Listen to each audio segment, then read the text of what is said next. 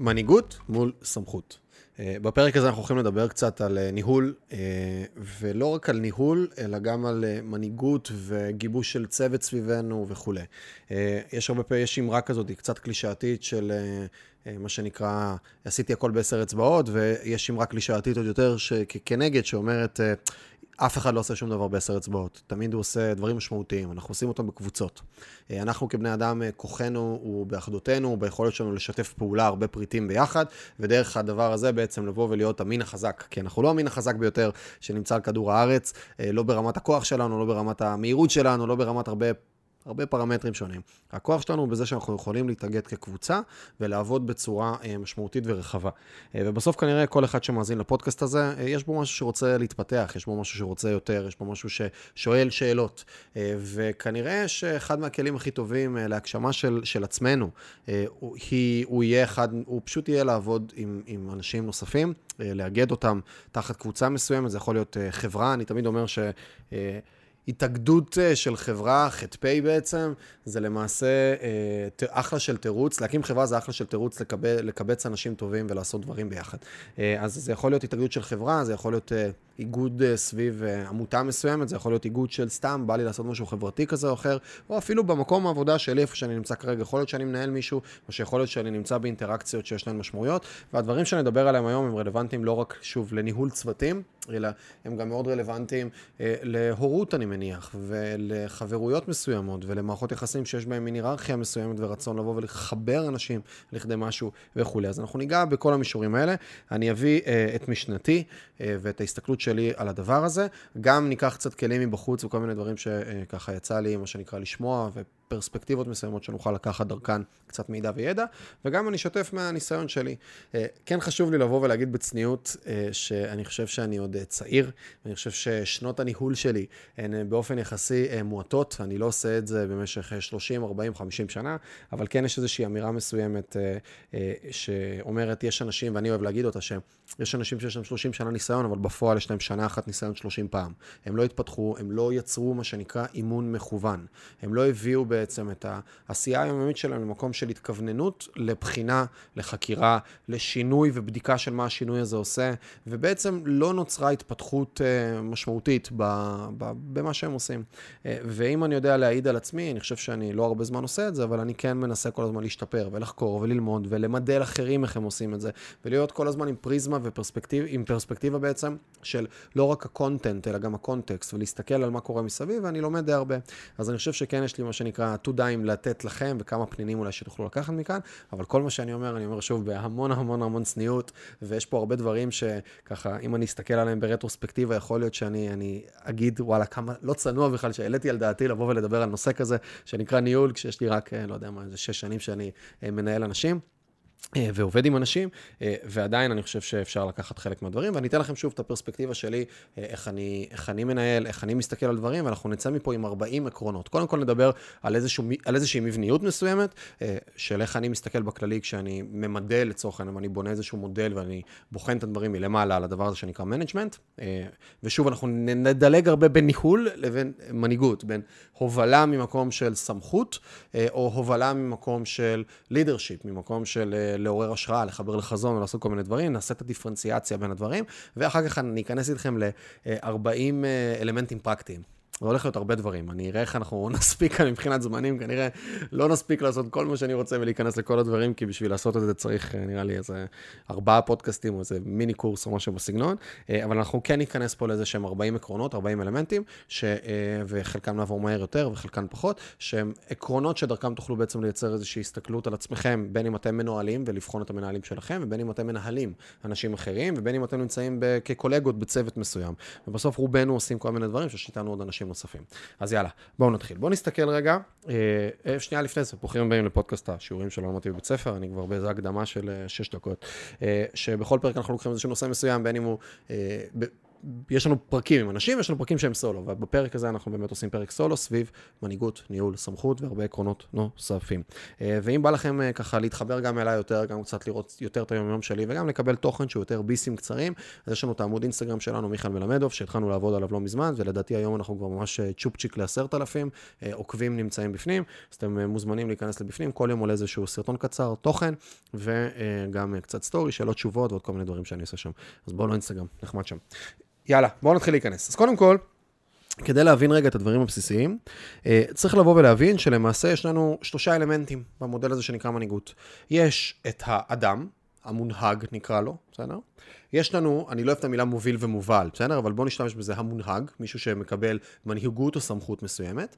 יש לנו את המנהיג, ויש לנו את הארגון.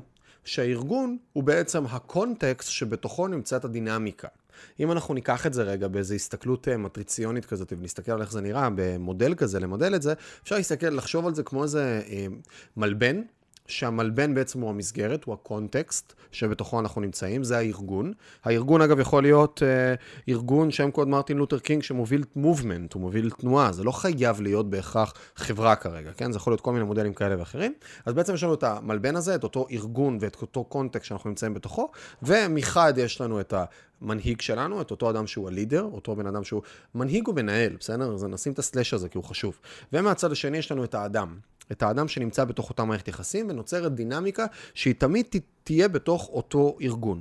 עכשיו, אם אנחנו נסתכל על רמות, ופה יש לנו, אה, ועשיתי על זה סרטון, אה, עשיתי על זה במיני פודקאסט שלנו, במיני קאסט, אה, שהוא כבר לא כזה מיני קאסט, כי הפרקים שם די ארוכים, חמש דקות של התפתחות, אז יש לנו שם פרק שעשיתי גם כן על חמש רמות המנהיגות של מקסוול. מקסוול הוא כזה בחור שהמון המון שנים, לדעתי הוא בן 70 היום, המון המון שנים חוקר מנהיגות, כתב כמה ספרים בנושא, כזה יועץ ארגוני לחברות, והוא חילק שם את המודל שלו לפירמידה כזו של מנהיגות, של שלבים של מנהיגים.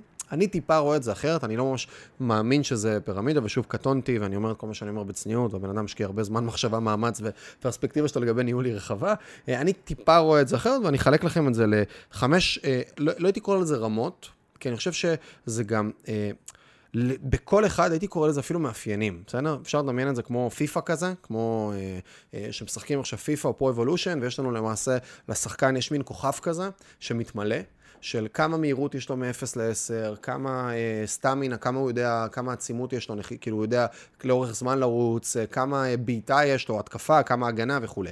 אז אם אני מסתכל על זה ככה, גם מנהיג בסוף, אפשר להסתכל עליו מה, מהמקומות האלה, ויש לו כמה פרמטרים בתוכו, שהם למעשה הפרמטרים שבאים ומגדירים אותו בצורה כזאת או אחרת. ואני מסתכל על חמישה מנהיגים, בסדר?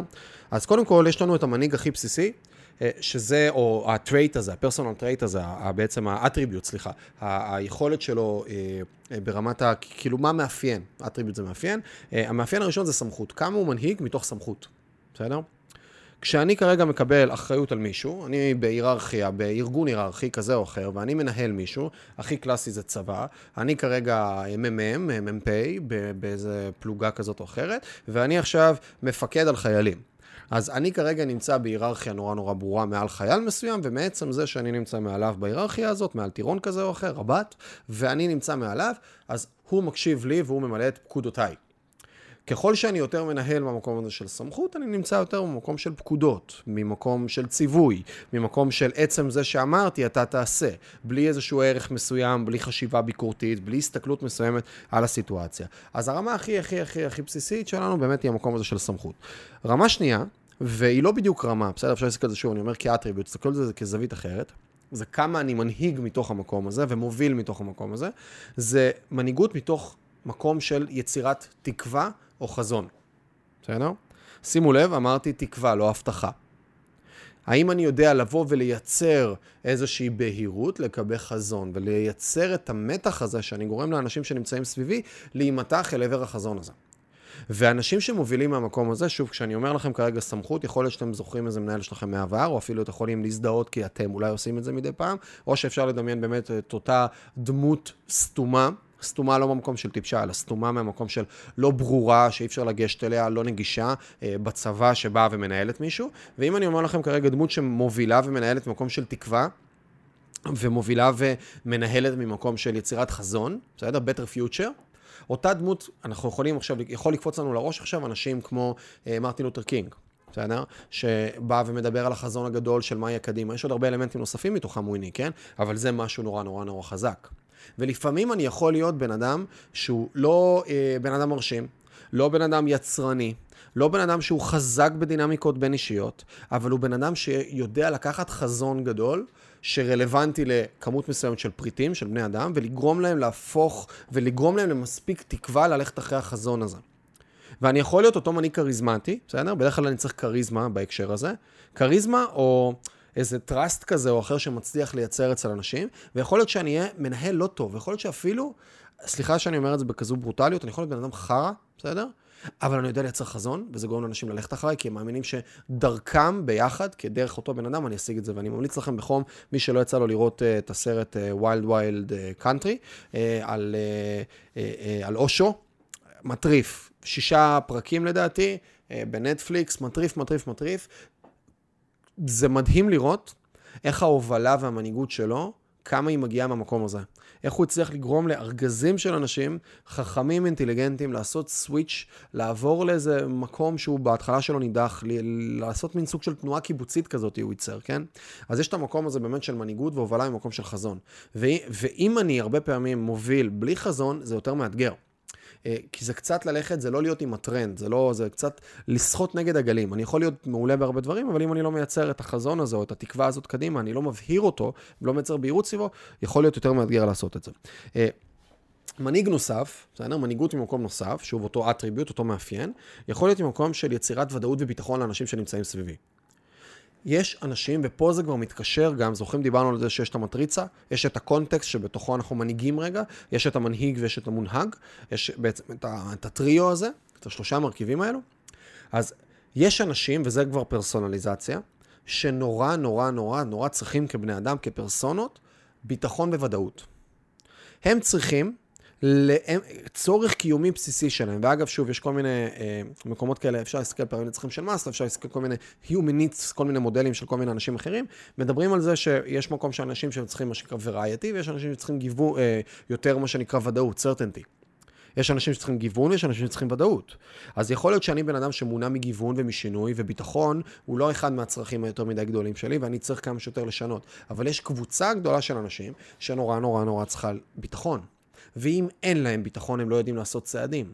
ובעצם מה שהם יונקים, כי כל אחד מאיתנו בסוף יונק משהו מהאנשים שסביבנו, מהצוות שסביבנו, כנ"ל גם המנהיג יונק מהמונהגים שלו, כן? מהאנשים שנמצאים בדינמיקה יחד איתו ומתחתיו במקרים מסוימים, גם כן יונק משהו. אז ברגע שיש לי אנשים שהם, מה שנקרא, צריכים את הביטחון, צריכים את הוודאות, הם צריכים את הקרקע היציבה, וזה מה שמניע אותם ומאפשר להם, אם אני מנהיג דרך הדבר הזה, אותו אחד שיודע להיות אבן שואבת, יודע להיות אותו מרכז גרביטציוני חזק שגורם לדברים סביבו להרגיש בטוחים, גם לזה יש המון המון ערך, וגם אני יכול להיות מנהיג שלא בהכרח יודע לייצר הרבה חזון ותקווה, ואני לא יודע להוביל, אבל אני יודע לייצר יציבות וודאות. יש המון אנשים שנורא נמשכים לטייפ הזה. וכמובן, אני יכול להיות גם אותו אחד שמייצר חזון. תדמיינו עכשיו, אני יכול להיות אותו בן אדם שיודע לייצר חזון, אבל אני, אני טורנדו. אני תזזיתי, אני שטע זמני. אני לא מייצר ודאות וביטחון. אני משיג את החזון על ידי disruption, על ידי, על ידי שבירה של דברים, ולא על ידי אה, יכולת לראות את הפרט ולייצר לו את הוודאות וביטחון בדרך. ואני יכול להיות מישהו אחר שכן יודע לעשות את זה גם וגם. גם יודע לייצר את החזון, אבל גם יודע נורא לייצר את הוודאות ואת הביטחון בתוך הדרך. רמה רביעית, או אטריביוט רביעי, בסדר? זה מישהו שמנהיג, וכן, פה לקחתי ממקסוול רגע אה, איזושהי נקודת התייחסות, זה אותו אחד שהוא המנהיג שמפתח, בסדר? עצם המנהיגות שלו היא בעצם מין סוג של במרכאות אלטרואיזם או אמפתיה נורא נורא משמעותית מול האנשים שהוא מוביל אותם, שהוא יודע רגע לבוא, לצאת מתוך עצמו ולייצר value וערך לאנשים שנמצאים איתו בתוך אותו תהליך. ואז מעצם זה שהוא מצליח לבוא, בסדר? ולפתח אותם, הוא עוזר להם למלא צורך נורא משמעותי אצלו, שנקרא, אצלם שנקרא לגדול ולצמוח. יש הרבה אנשים שמה שמניע אותם זה צמיחה וגדילה. ואם אני כמנהיג, הוא מנהיג מפתח, הוא מנהיג שיודע לבוא ולראות את הבן אדם בצד השני, ולעזור לו לייצר מקסום של הפוטנציאל האישי שלו, גם זו פאזה מסוימת, זה אטריביוט מסוים של מנהיגים. עכשיו שוב, אני יכול להיות אותו מנהיג חזון, שלא רואה אף אחד ממטר ולא מפתח אף אחד, ו... תהיה איתי או תמות כזה, לא מעניין אותי כלום. אבל אני, אני יכול להיות גם המנהיג הזה שיודע לבנות את החזון, בגלל זה אני לא כל כך מסתכל על זה כרמות, אלא אני מסתכל על זה כאטריביוטים, כן? כמין סוג של מ-0 ל-10 כזה, כמו שנתנו דוגמה מקודם של פיפא או סימס, או לא משנה מה, או כל מיני משחקים כאלה. אז אה, אני בעצם יכול להיות אותו מנהיג שגם מייצר את הפיתוח וגם מייצר את החזון. אני יכול להיות מנהיג שגם מפתח, אבל גם מייצר יציבות וביטחון. יש כל מיני מקורות הנהגה חזקים שאני יודע להוביל דרכם. רמה חמישית זה מנהיגות מתוקף יצרנות, בסדר? זאת גם כן רמה מסוימת, וגם כאן לקחתי ושאפתי ממקסוול כמה דברים. המקום הזה של בעצם, עצם זה שאני פרפורמר, מזה שאני יצרן, אז אני יודע לבוא ולגרום לאנשים לבוא וללכת אחריי, כי אני מייצר להם, זה קצת מתקשר לביטחון ולוודאות, אני מייצר להם ודאות וביטחון מקצועיים, בסדר? והערכה ליכולת שלי ליצור דברים, להפוך דברים למציאות. ואם אני עכשיו, לצורך העניין, אה, נמצא בצוות של מעצבים, ואני ראש צוות עיצוב, וכולם יודעים שאני בסוף אביא את הקריאיטיב הכי חד, אני אביא את הזוויות הכי חדות, ואני אוציא גרפיקות מהממות, ואני אהיה ארט מעולה, ואני אעשה דברים שהם זה. עצם זה שהם יודעים שאני כזה, כבר נותן לי נקודות מנהיגותיות, כי אני טוב, כי, הרבה, כי אני טוב מהם הרבה פעמים, האנשים שנמצאים סביבי, יכול להיות שאני גם לא טוב מהם, יכול להיות שאני, בדרך כלל אגב זה יחסי, אין מה לעשות, אני כנראה צריך להיות טוב מהצוות שלי לצורך העניין, או מהאנשים שנמצאים סביבי, בתחומים מסוימים, בעצם זה שאני יודע להיות אותו יצרן, בעצם זה שאני יודע להביא את האדג' הזה, אני מקבל נקודות הערכה. כי הרבה מהיום-יום שלנו זה לא רק הדברים המסביב, בסדר? זה לא רק התקשורת והניהול פרויקט וההובלה והשיחות ועוד הרבה דברים נוספים. הרבה פעמים חלק משמעותי מהיום-יום שלנו ומאינטראקציה שלנו עם אנשים היא אינטראקציה מקצועית. ובעצם דרך המקום המקצועי אני יודע לקחת ולקבל הרבה נקודות זכות. אנחנו יכולים לחשוב על, אה, לא יודע, איזה... אה, שוב, בכל אחד העבודה שלו, איזה מתכנת אצלנו במשרד, שהוא תותח על חלל וכאילו באמת מביא הברקות וזוויות אחרות, שרק מעצם זה יש איזושהי, אני בא להתייעץ איתו, אני בא לדבר איתו. אני מייצר בעצם דינמיקות היררכיות ביני לבינו, כי אני בא לשאול שאלה או אני בא להתייעץ. ואם הרבה פעמים לאורך זמן נוצרות דינמיקות היררכיות קטנות, יש נקודות זכות מסוימות שהמנהיג מקבל. ואם אני רגע מסתכל ואני מתחיל לאסוף רגע את ה management leadership הזה, בסדר? ה, אז יש פה את האלמנט של אחד, להיות יצרן, שתיים, להיות מסוגל לצקת וליצר חזון, שלוש, להיות מישהו שיודע לפתח, בסדר? את האנשים שנמצאים סביבו בתוך אותו מקום, בסדר? ארבע, לדעת לייצר את הוודאות ואת הביטחון, וחמש, בסדר? זה המקום הזה של מה שדיברנו עליו הכי בהתחלה, שמבחינתי הוא אטריביוט שאם אני נמצא בעשר בו, אז אני לא משתמש בו בכלל, כן? הוא אטריביוט הפוך לקרוא לזה, כי אפשר לקרוא לזה, הוא בעצם מאפיין הפוך של המקום הזה של סמכות. ופה זה כבר, אני זולג ל-40 עקרונות שנתחיל לעבור עליהם אחד-אחד ככה אה, ולגעת בחלקם, אני לא בטוח שנספיק לעשות את כולם, מה שאנחנו מדברים כרגע. אז יש פה בעצם את המקום הזה, ש... אני בסוף רוצה לרכוש הערכה וכבוד, ולא לדרוש הערכה וכבוד, כי אי אפשר בעצם. כבוד והערכה זה לא מה שאני יכול לקנות, וזה לא מה שאני יכול לדרוש אותו. אני בעצם חייב לרכוש אותו. אני חייב, למרות שלרכוש ולקנות זה יכול להישמע דומה, כן? אבל זה המקום של באמצעות מעשים, בסדר? לרכוש אותו באמצעות מעשים, באמצע, באמצעות התנהגות. וואנס אני מצליח לבוא ולרכוש את הדברים האלה, אז אני גם מוריד את התלות שלי בסמכותיות. אני מוריד את התלות שלי ב... אמ, אמרתי לך לעשות את זה, אז תעשה את זה. כי אני יודע לבוא ולייצר דינמיקה מסוימת מול האנשים שסביבי, שמתוקף היותי אני, ולא מתוקף תפקידי, הם מקשיבים לי. הם מרגישים שהם מקבלים גם את הביטוי העצמי שלהם מחד, והם מרגישים שהם גם מקבלים את המקום שרוצים להתקדם איתי לבפנים מאידך. ופה רגע אם אני מסתכל על, על אותו אותה, אותו, אותה מטריצה אה, ש, שדיברנו עליה כרגע, המנהיגותית והניהולית, אני רוצה לשאול את עצמי כל הזמן, כל הזמן, איפה אני נמצא למול אותם מקומות. האם אני מצליח לייצר לאנשים חזון של הארגון, של הקונטקסט, של אותה מסגרת, אותו מלבן שדיברנו עליו, והאם אני מצליח לייצר להם חזון אישי, ולחבר ביניהם, בעצם גם לעזור במקום של הפיתוח, גם לעזור להם בהנאה אל עבר עתיד טוב יותר, אל עבר הזדמנות חדשה טובה יותר, אל עבר משהו חד יותר. האם אני מצליח ליצור לאנשים שנמצאים סביבי את המקום של ודאות וביטחון? האם אני מצליח לבוא ולאפיין ולהבין מי נמצא מולי בכלל בצד השני כשאני רץ עם הדבר הזה וכולי. אז יאללה, בואו נתחיל להיכנס ככה, נתנו איזשהו קונטקסט מלמעלה על הדברים, איזשהו ככה מין מידול ראשוני ובסיסי, ונתחיל להיכנס עכשיו כבר לממש ממש ממש איזה הרבה מאוד תובנות ודברים ככה שאני uh, קיבצתי. ישבתי איזה 20 דקות אה, לפני, אני בדרך כלל לא מכין את עצמי יותר מדי לפרקים כאלה, אני יותר בפלואו חופשי, ואולי כותב איזה כמה בולטים. פה ממש ישבתי וכתבתי 40 נקודות במשך איזה 20 דקות, אה, דברים שככה עלו לי בפלואו, ואני חושב שיהיה להם לא מעט value. וזה, יאללה, בואו נתחיל. אז קודם כל, וזה כבר קצת דיברנו על זה בהקשרים של המנהיג שמניע במקום של חזון. הדבר הראשון, מספר אחד, בולט מספר אחד, עיקרון מספר אחד, זה תבנה חזון לקבוצה.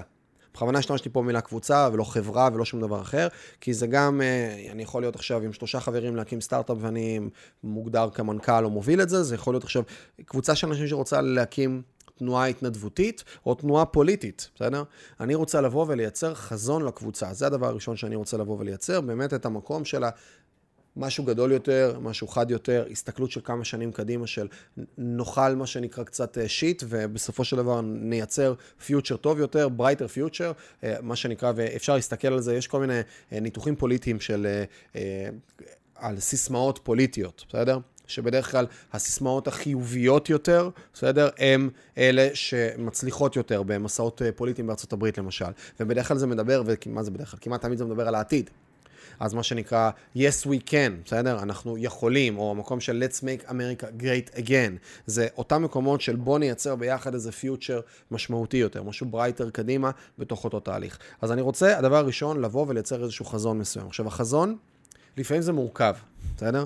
לא כל חברה, לא כל פעילות, לא כל דבר שאנחנו מקימים, יש בסופו של דבר איזשהו חזון נורא ברור וחזק. ולכן אני עדיין חייב לצבוע את הדברים בעתיד מסוים. אני רוצה לגרום לאנשים להרגיש שהם יוכלו, בסדר? שיש להם למה מסוים, יחד איתי לבוא ולייצר מהלכים קדימה, בסדר? וזה יכול להיות לפעמים, בסדר? אצלי היום, אם ניקח רגע את כל החברות, לא לכל חברה יש חזון ענק.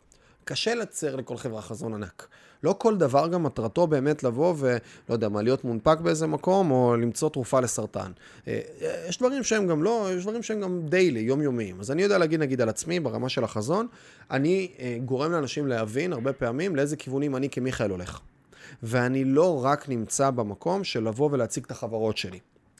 אתה לא רק עובד בהמלין, בווטסון, בבמבו, באקספנד, בסטואה, בלא משנה מה. אתה בביטלנט, אתה נמצא בסופו של דבר, אתה עובד יחד איתי. בעצם זה שאתה עובד יחד איתי, הפוטנציאל קדימה הולכים לקרות כל מיני דברים. יקרו כל מיני דברים מכל מיני סוגים. אז מעצם זה שאתה נמצא כאן, ושוב, אני כרגע לא מרחיב בכל החזון, וכל ההסתכלות, וכל הדברים שהולכים להיות קדימה, ומה האסטרטגיה, אבל כתפיסה, אני, אני רוצה לבוא ולייצר לאנשים שסביבי, וגם זה שונה בין פרסונה לפרסונה, את המקום של מה הפוטנציאל העתידי יחד איתי בתהליך כזה או אחר. יחד איתי או יחד עם החברה. לפעמים כשאני יודע לייצר את ה mission statement וה vision statement חזק לחברה, זה יותר חזק, ולפעמים אני יודע גם לייצר ולבנות את זה על עצמי. אבל אני רוצה לגרום לאנשים, משפט קלאסי של ניטשה שאני מצטט אותו המון, אם, אה, ויקטור פרנקל הרחיב עליו באדם מחפש משמעות, אה, אדם שיש לו למה שלמענו יחיה, יוכל לשאת כמעט כל איך. ויש המון אנשים שהם נורא מונעים מעתיד ומחזון, ואם אני לא אייצר להם את זה בכלל, אז הם כאילו, הם שחררו אותי נורא מהר. זה לא יעבוד.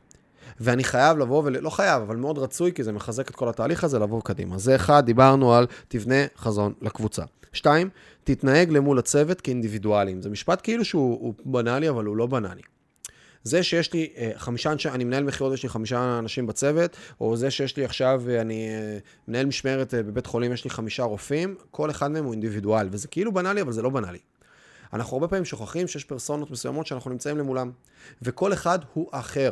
כל אחד המבנה האישיותי שלו הוא שונה, כל אחד מניע אותו דברים אחרים. מישהו אחד מניע אותו, שוב, כמו שאמרתי מקודם, יציבות, ודאות, ומה שאכפת לו רק שיהיה לו כיף בעבודה, כי זה הפרסונה, זה מה שמניע אותו. תן לי יציבות וסבבה וכיף. מישהו אחר, הקריירה שלו היא הזהות שלו. זה הוא.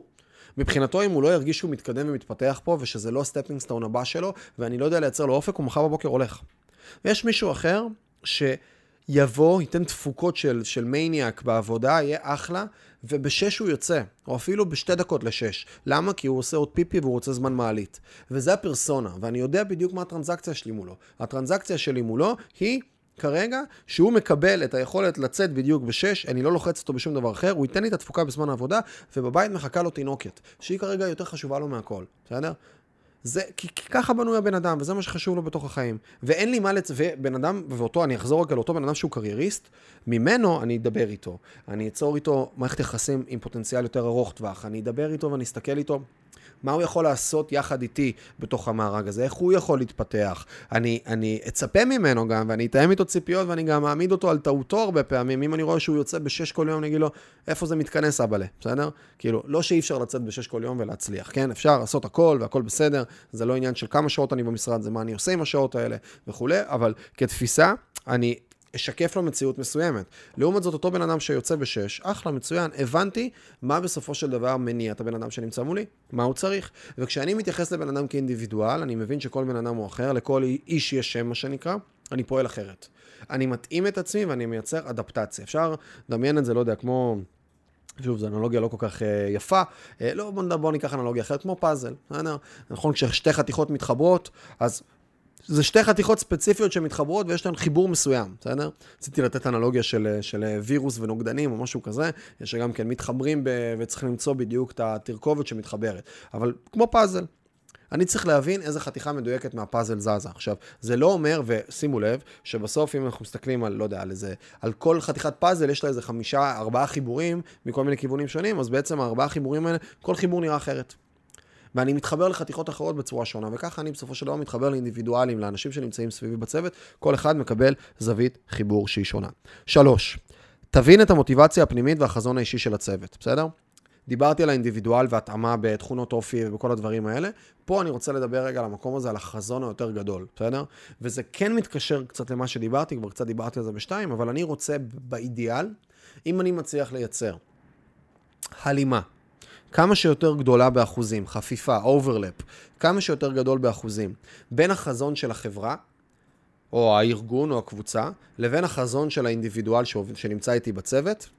ושימו לב גם, איך אני משתמש במילים כאילו בצורה שיחסית אה, היא מודעת, וזה גם כן אימון, כי יש המון המון מש, משמעות והשפעה לא, לא, לאופן שבו אנחנו מדברים, ואיך שאנשים מרגישים אותנו, וזה מטפטף בסאב קונטקסט לאט לאט בתת מודע, וזה משפיע. לאנשים שעובדים לא אצלי, עובדים איתי. וזה סתם, זה מסוג הדברים הקטנים, שזה גם באיזשהו מקום אני מסתכל, וזה גם כן אחד מהעקרונות שנדבר עליהם אחר כך, להסתכל בגובה העיניים, וגם זה מגיע מהמקום של, כשאני אומר לבן אדם, אחי, אתה עובד איתי, אתה לא עובד אצלי, אתה גם בונה את עצמך ואתה עושה לעצמך את הדברים, זה גם לא גורם לו לקחת יותר אחריות, כי אתה עובד איתי. כשאני עובד אצל מישהו, בסוף האחריות היא אצלו. כשאני עובד עם מישהו, האחריות היא משותפת. וזה גם ה vibe והתדר שאני רוצה לשתף החוצה. פתחתי סוגריים קטנים, סגרתי אותם, חוזר למקום הזה של הלימה בין חזון. בסופו של דבר אפשר להסתכל על זה כמו איזה קרן כזאת, בסדר? תחשבו שיש איזה קרן של אה, כמות מעלות מסוימת, של החזון של החברה, לאן היא רוצה ללכת, ויש את החזון האישי שלי. של, שלי כפרסונה שנמצאת בתוך ארגון, עובדת בתוך ארגון, עובדת או לוקחת חלק בתוך תנועה מסוימת, שוב, פוליטית, חברתית, לא משנה מה. ובסוף, כשאני מחבר, כשאני מצליח לייצר הלימה, חפיפה בין החזון של הארגון לבין החזון של הפרסונה עצמה, ומה זה מצליח, כן? אני צריך לגייס אותם נכון ולהבין שיש את החזון הזה. אני צריך לבוא ולה... או לה... להרבה פעמים זה גם להראות לאנשים שנמצאים איתי איך החזון האישי שלהם יכול להתממש בתוך אותו ארגון, בתוך אותה חברה. עכשיו, זה לפעמים... סתם, יכול להיות מישהו שעובד אצלי כשכיר בחברה, והוא נורא נורא נורא רוצה בסוף להיות עצמאי. חלק מההסתכלות יכולה להיות שאני בונה לו בסוף, היי, מה אתה צריך כדי להיות עצמאי? קודם כל, למה אתה רוצה להיות עצמאי? בוא תסביר לי. בוא נדבר על, ה, על הפלוסים והמינוסים של הדבר הזה. שתיים, האם אתה חושב שאתה מוכן להיות היום עצמאי? כנראה שלא, כי היית עושה את זה, בסדר? אה, ולא היית נמצא כאן כרגע איתי, מה הפרמטרים שצריכים, לק... מה, איזה, איזה תכונות ואיזה יכולות אתה צריך כדי להיות עצמאי בסופו של דבר, בסדר? בוא נבין מה חסר לך בתוך אותו תהליך, ומה היית אומר אם הייתי יודע לעזור לך גם בפלוסים וגם במינוסים, ואולי נקים תחת החברה שלי חברה משותפת, או חטיבה בהתחלה, ואם היא תגיע להיקף פעילות מסוימת, אז גם ממש ח"פ, חברה נפרדת, תחת הפעילות המשותפת. ובעצם נהיה שותפים בתוך אותו תהליך מסוים. ובוא נראה עכשיו איך אני עוזר לך להגיע למקום הזה. ווופ, לא תמיד זה מתאים, לא תמיד זה אפשרי, לא תמיד זה נכון, לא תמיד אני מנהל מישהו ש... ואני לא יכול, אני לא מספיק גמיש באותו הקשר, לא תמיד בא לי להקים את הדברים האלה. אבל כתפיסת בסיס, עצם זה שאני מאפשר את הדבר הזה, ואני פותח והבנתי רגע ויצרתי את הגמישות, הסתכלתי עליו כאינדיבידואל ושאלתי את עצמי איך אני מחבר בין החזון הפרטי שלי, שלו, לבין החברה, הצלחתי בכלל לחשוב על האופציה הזאת והיא נראית לי אפשרית, ופתאום אני יודע אולי לייצר לו את ההזדמנות הזו בתוך החברה. האם זה אומר שתמיד זה יצליח? התשובה היא לא. האם זה, לא, האם זה אומר שהרבה פעמים דברים יכולים ליפול? התשובה היא ברור שכן. האם דברים לא יקרו תמיד? לגמרי. אבל כתפיסה, אני רוצה בכלל להבין מה אנשים רוצים. אני רוצה בכלל לנסות להבין, לא תמיד אפשר, וגם אני אומר לכם את זה, כל מה שאני אומר לכם זה לא שעכשיו על כל עובד תפתחו, יש לי פייל אה, בגוגל דוקס על כל, כל מי שעובד איתי, אה, לא יודע, 30 פחות או יותר אנשים סביבי שעובדים בתצורה כזאת או אחרת בחברות השונות, אה, ועוד איזה 20 פרילנס שככה עובדים איתנו בכל מיני מישורים.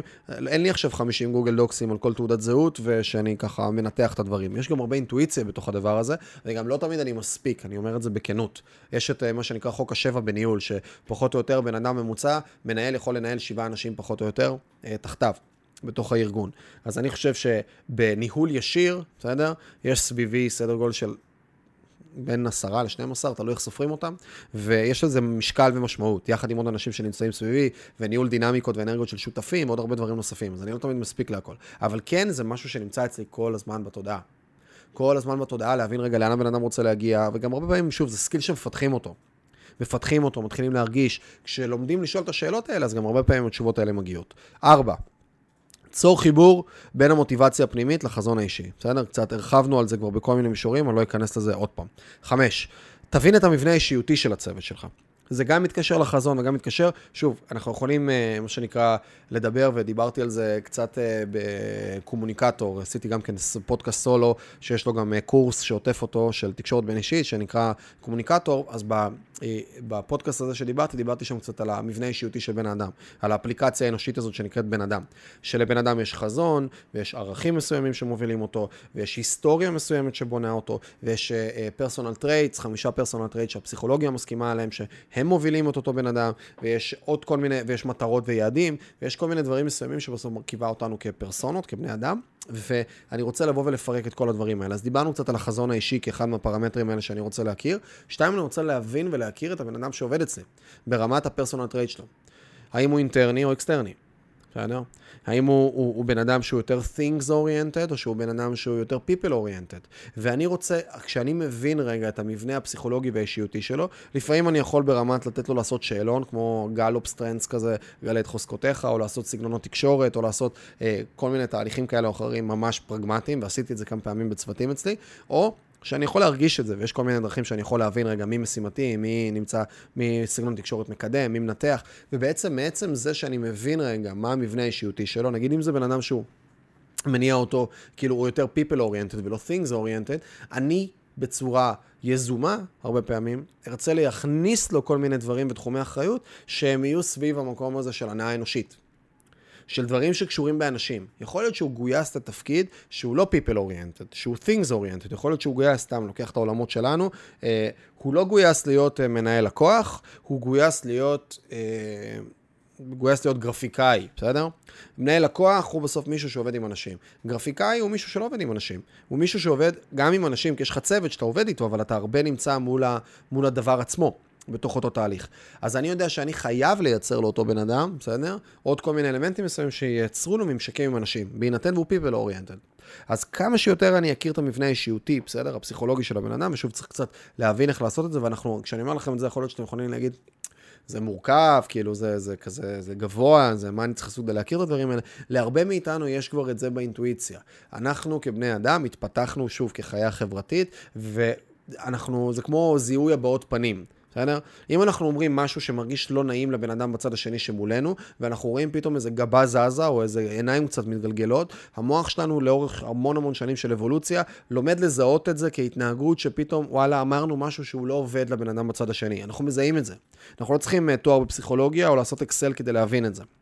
העניין הרבה פעמים בלהבין את הבן אדם שנמצא מולי, אה, אחד זה ללמוד, ושוב, מי שרוצה להיות מנהל טוב, אה, ולא לנהל רק מתוך סמכות, אלא באמת להנהיג, להיות מהמקום הזה, מן הסתם הוא חייב ללמוד אנשים, הוא חייב ללמוד ו- ולהתעמק קצת בפסיכולוגיה התנהגותית כלכלית, ולהבין כל מיני דברים מסביב. אבל, ויחד עם זאת, זה הרבה פעמים לא רק להבין מונחים או מושגים, או לדעת לנתח, זה הרבה פעמים פשוט לפתח עוד פרספקטיבה מסוימת שבוחנת את הדברים. אני בכלל מפתח מודעות להבין מי הבן אדם. כמה, מאנש, כמה אנשים עכשיו שמאזינים לזה, ואו מנהלים מישהו, או כמה מישהוים, או מנוהלים על ידי מישהו, אה, אי פעם חושבים, חושבים שהמנהל שלהם שאל את, את עצמו, רגע, מה מניע את הבן אדם ש, שאני מנהל כרגע? מה, מה, מה, מה המבנה אישיות? האם הוא יותר אוהב, כאילו, אנשים או דברים?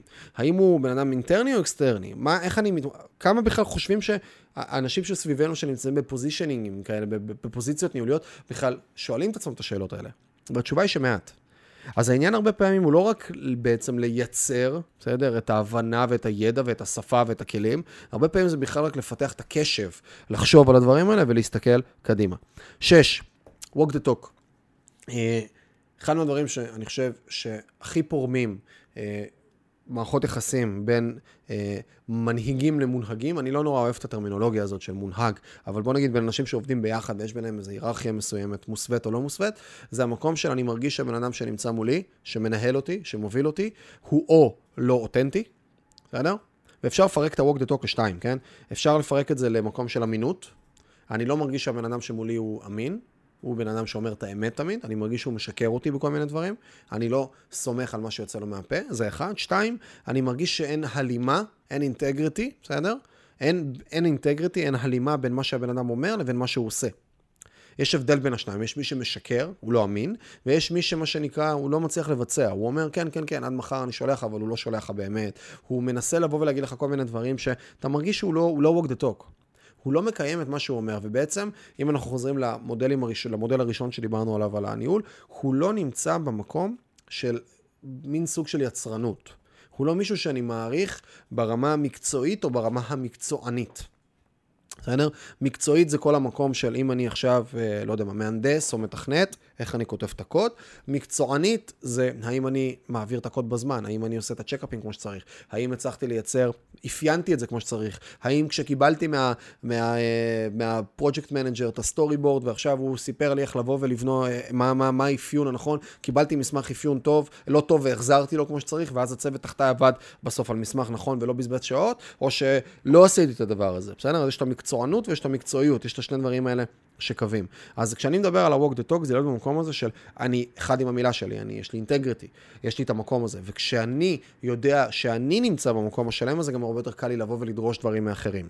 וכשאנשים סביבי מסתכלים עליי, ושם קוד זה, אני יכול להגיד לאנשים, חבר'ה, אתם לא עובדים מספיק קשה, אתם לא, אתם כל שש נופל העט, אין לי מי לדבר אחרי שש. אבל אני יוצא כל יום בשש, מן הסתם, זה לא בהלימה. בסדר? עכשיו שוב, אני עוד פעם זורק את העניין של השעות כאילו זה רלוונטי, זה לא באמת רלוונטי, זה גם כן משהו שלקח לי זמן ללמוד אותו, ואפשר להכניס פה עוד איזה, אה, לא שש, הוספתי שש וחצי כבר, כן, עם האמינות ועם הזה, אני מוסיף פה שש נקודה שמונה, אז המקום הזה של, אה, אל תסתכלו על שעות. זה גם כן משהו שלי נורא נורא נורא הפריע בהתחלה, בצוות הראשוני שלי, שנורא רציתי שהם יעבדו איתי עוד שעות. שאני הייתי נשאר יותר והיה מציק לי, והם היו מרגישים את הפרצופים שלי כשהם היו יוצאים מוקדם יותר. היום, שוב, זה תלוי חברה, וזה תלוי בן אדם, וזה תלוי סיטואציה. הנה, היום, עכשיו, השעה פה 7.43 בערב, ואני פה עם אופק, בסדר?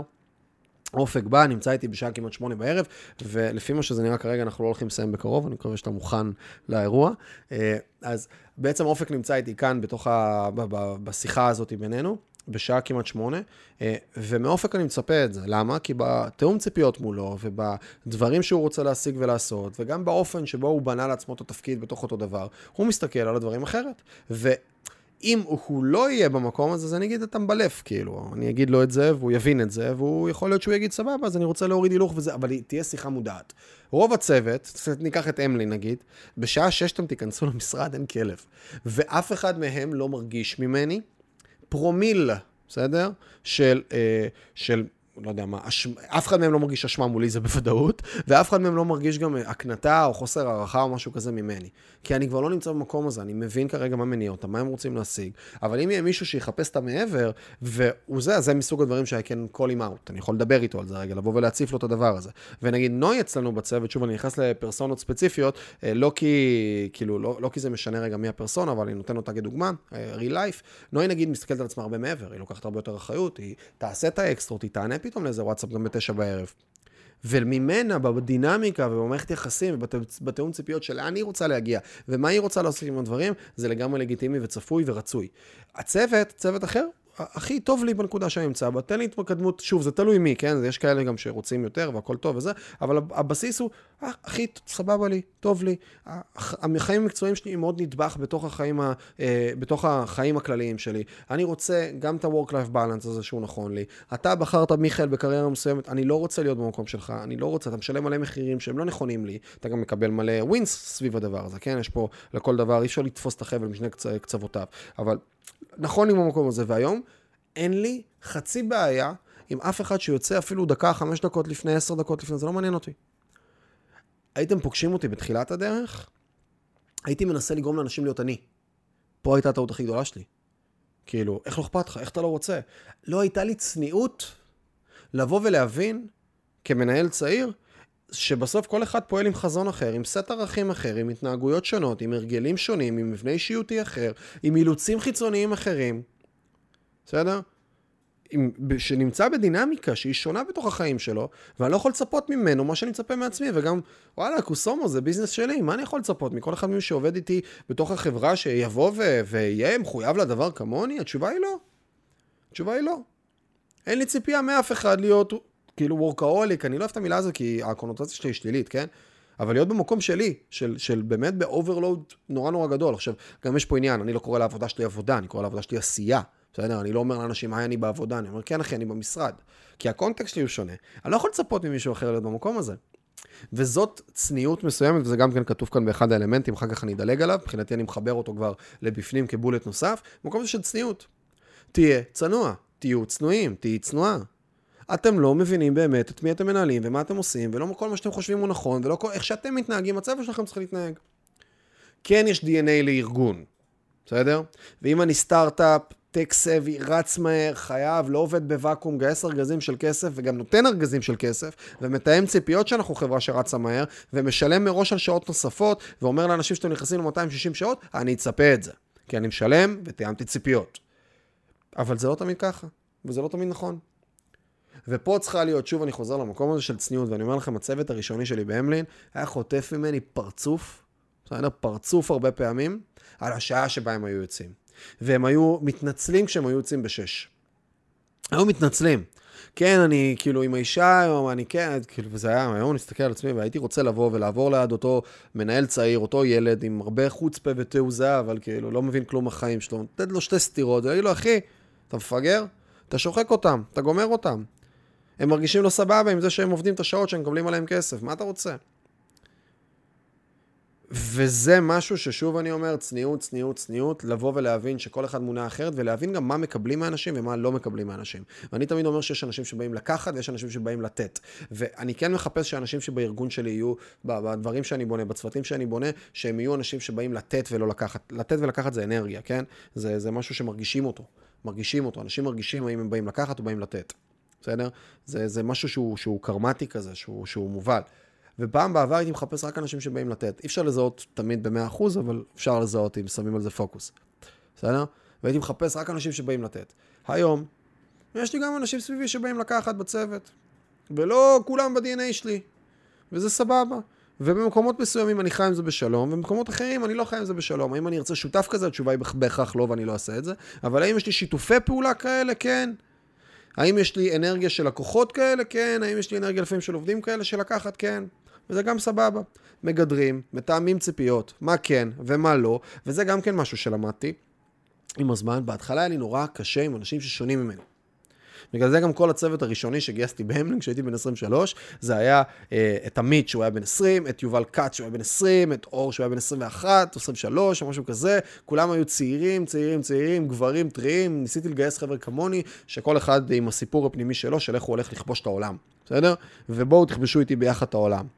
והיום זה, אני, אני ממש לא, אני, אני שוב, אני אדפטיבי הרבה יותר, אני צנוע הרבה יותר, אני מבין שיש ערכים גם באנשים ששונים ממני. בדייברסיטי, לדייברסיטי יש כוח, ומדברים על זה הרבה בהקשרים של ארגונים חזקים, זה שלא כולם דומים, וגם שותפויות חזקות. זה בשונות. ואם אנחנו מסתכלים על זה ברמה הביולוגית, וזה גם כן חלק מארגון, אם אנחנו מסתכלים על זה ברמה הביולוגית הבסיסית, כשאנחנו לוקחים הרבה אנשים, מה שנקרא, לא עלינו, בסדר, אבל לוקחים אה, אה, אה הרבה לא, אחים, אחיות, חלילה, אה, עושים אה, גילוי עריות וכל העולמות האלה, כשאין שונות בגנים, אז יש אחר כך דפקטים ב, בילדים. יש דפקטים בילדים, יש כל מיני מחלות גם ש, שקורות כשאין ריבוי גנים, כשאין שינוי בתוך אותו דבר. זה הרבה פעמים מייצר לא חוזקה, מייצר חולשה מסוימת. ויש כוח לזה שארגון בא ויודע לבוא ולהביא אנשים ממקומות שונים. ושוב אני חוזר לאותו ילד צעיר שרק רצה שכולם יעבדו כמוהו, וזה שטות, זה לא נכון. זה לא נכון. יחד עם זאת, אני כן אסייג, וגם אני תמיד אגיד לכם, כל מה שאני אומר כרגע, אפשר לסייג אותי, ואני יכול לסייג את עצמי. ואני יכול לתת לכם עכשיו על כל תזה שאמרתי, אנטי תזה, אז גם אל תיקחו שום דבר ממה שאני אומר בכללי בחיים, ומה שבטח אני אומר כמובן מאליו, כי באמת, כ... כ... כ... כ... לא מובן מאליו, אלא כ... כ... לא יודע מה, זה משהו שכתוב כאותיות אה, קידוש לבנה כזה, ונאמר וחזק.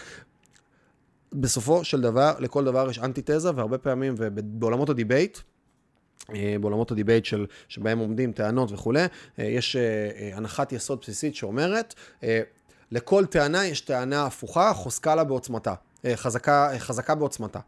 לפחות לטענה עצמה, בסדר? אז גם באותו הקשר אני אומר לכם, שכן יש ארגונים מסוימים, וקצת נתתי דוגמה של הסטארט-אפ, שיכול להיות שהכי נכון שיהיה אנשים אה, בהתחלה שלו, של אותו ארגון, באותו movement, באותו זה, נורא דומים, לא בהכרח סופר שונים, עם יכולת והבנה מסוימת של grinding, ולעבוד אקסטרה שעות ולעשות ולהיות קבור בתוך הדבר, כי זה מה שצריך כדי להקים את זה. צריך את הכוח המתפרץ הראשוני כדי להוביל את זה.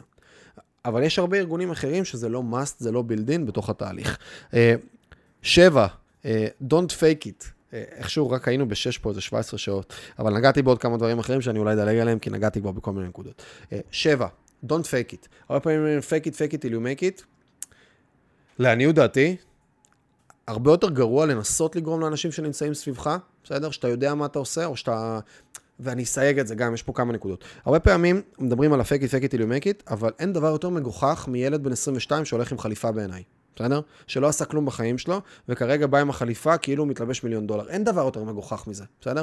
אני, ככל שעוברות הש... ככל שעוברות הש... עוברים השנים, עוברות השנים, אז אני מגיע למקום אה, שאני מוריד ממני את המכופתרות. הייתם פוגשים אותי בגיל 22, 21, הייתי הולך רק עם כופתרות, כי הרגשתי שאני לא מספיק בעצמי. והייתי צריך את המכופתרת. את המכופתרת, ואת הזה, ואת הנעל אלגנט, כאילו, וכל הדברים האלה. וזה, אלא אם כן אני מודע לזה, בסדר? יש אנשים שמודעים לזה, ואז זה גם בסדר, והם בוחרים להתלבש במקום של סטייל והרגשה פנימית. אבל מישהו שמנסה להראות משהו שהוא לא, שלוקח את ההלוואה לרכב, שמריחים את זה ומרגישים את זה. ואם אני עובד עם אנשים מסוימים והם מרגישים שאני פייק, וזה מתקשר גם למה, למה שאמרנו מקודם, הם מרגישים שאני פייק, הם מרגישים שאין לי מספיק את המסוגלות העצמית ואת ההוויה הזאת של אני טוב מעצם היותי, לבוא ולהגיד להם אני לא יודע, ובוא נלמד ביחד, אלא אני אתן להם תשובות שהן גם הרבה פעמים שקריות, אני פייק איט, זה בסוף פוגע לי באמינות וזה שובר אותי. ופה אני אומר, אני אעדיף להגיד לצוות שלי, תשמע, לא סגור על זה, צריך לבדוק את זה. אני אעדיף לתת תשובה כזאת, מאשר לתת תשובה שאני לא יודע, שכאילו אני בטוח שהיא נכונה, אבל היא לא נכונה. וגם לגבי הצוות קדימה, ושימו לב, זה גם עניין. האנשים לא רוצים להיות uh, בספינה שהיא שוקעת, או בספינה שאין לה מושג, uh, כאילו, מסתכלים על המצפן, והמצפן מסתובב ככה בספירלות, ב- בסללומים, כאילו, הלוך חזור. אנשים לא רוצים את זה, אנשים רוצים בסופו של דבר להיות במקום שהם מרגישים שיש כיוון, שברור לאן שתים. ורוצים להרגיש שהם נמצאים עם ספינה שאין בה חורים, בסדר? יחד עם זאת, וזה משפט שיצא לשמוע עם חבר'ה של מאנדיי בסטארט-אפ פור סטארט-אפס, בסרט, בפודקאסט שלהם. לא זוכר בדיוק את זה, אני, את המשפט, אני אעשה פרפרזה, אבל אה, אנחנו הכי טובים, אה, אנחנו לא יודעים לאן אנחנו הולכים או מה צריך לעשות, אבל אנחנו הכי טובים בזה, בסדר? אנחנו הכי טובים בלא לדעת מה, מה, מה, מה, מה קדימה. וזה גם כן איזשהו עניין מסוים שהוא מגיע, וזה מגיע עם אנשים שהם ניסיון והם עברו קצת בחיים שלהם, של וואלה, תשמע, אה, לא מזמן הייתה לי פגישה עם חבר'ה, אחת החברות בקבוצה קוראים לה במבו, ומה שבמבו עושה, יש לנו שם גם אה, end-to-end, זה גוף שהוא end-to-end שיווק ומכירה. בסדר? שאנחנו עושים שם שיווק ומכירה קצה לקצה. יש לנו בכל רגע רגע נתון בין 8 אה, ל-20 אנשי מכירות, תלוי באיזה כמה פרויקטים וכל מיני דברים שאנחנו עושים, ואנחנו בעצם מתחברים לכל מיני גופים. עכשיו, כשהתחלנו את במבו, הרציונל היה אנחנו מתחברים לגוף, הגוף סולק, הגוף המוצר, הגוף המותג. שכבה שנייה, עברנו תהליך, והיום אנחנו סולקים, בסדר? אנחנו מעבירים את הכסף לגופים שאנחנו עובדים איתם. אנחנו עושים את השיווק מכירה, והגוף השני שאנחנו עובדים איתו, הגופים השונים, הם מביאים את ה product, את המוצר. זה יכול להיות אה, אה, מכללה, זה יכול להיות עסקאות נדל"ן, זה יכול להיות כל מיני דברים כאלה ואחרים. ואז בעצם הרציונל שעומד מאחורה, אם אני אצטרך להיות מומחה במוצרי נדל"ן, במוצרים טכנולוגיים, במוצרים אה, אה, פיננסיים, במוצרים של קורסים עכשיו מכל מיני סוגים של מכללות, אני, זה ייקח לי המון המון שנים. אבל אם אני צריך להיות מומחה בשיווק מכירה ולפצח תהליכים, ואני מתחבר לגופים אחרים, ואני עושה ספליט ברווחים, או ב-revenue, במחזור, אז אני יודע לצמוח יותר מהר, כי אני בעצם מתמקד ביצירת פלטפורמה של שיווק מכירה. בתוך אותו תהליך. אז בהתחלה התחלנו, שוב אני אומר, מקום של אנחנו סולקים עבור אחרים, היום אחר כך עברנו לתהליך שבו אנחנו כבר סולקים ומעבירים את הכסף לגוף השני, קצת יותר מה שנקרא דינמיקה של ה...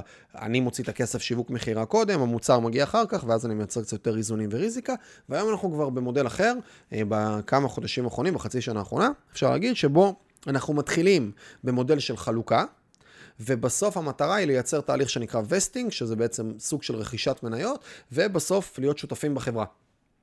ואז בסוף, כתפיסה, במבו נמצאת למעלה, יחד עם המלין כאילו וכל החברות השונות בתוך הקבוצה, והיא מחזיקה ב-50% בכל מיני מותגים שונים בחברות שונות, כשה-added value שלנו הוא שיווק ומכירה.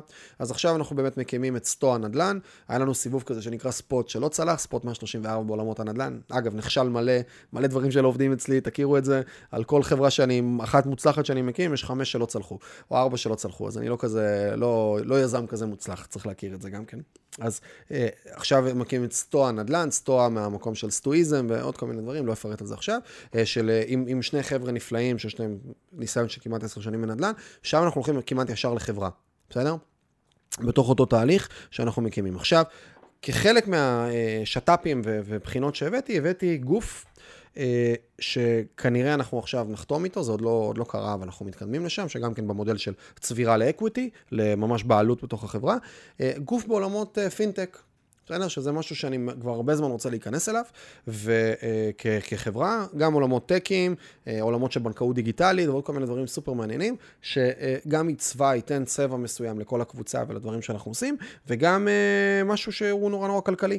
כי זה ריטיינרים, כי יש שם שווי משמעותי של עסקה, ועוד כל מיני דברים כלכליים, לא משנה, לא ניכנס לכל. קיצור, בתוך אותו תהליך, אנחנו יושבים בפגישה עם אותם שותפים, ואז אה, יש חיבור אחד דרך מישהו אחד שהגעתי איתו, שהוא, כאילו, היה בינינו חיבור נפלא וטוב, הייתה פגישה מקדימה מעולה, והחיבור, ואז הוא הגיע עם שותף שלו. אליי לדירה, עשינו פגישה מרובעת, שותף שלי ואני, הוא ושותף שלו. ואז אנחנו יושבים, ואז שותף שלו מגיע סקפטי.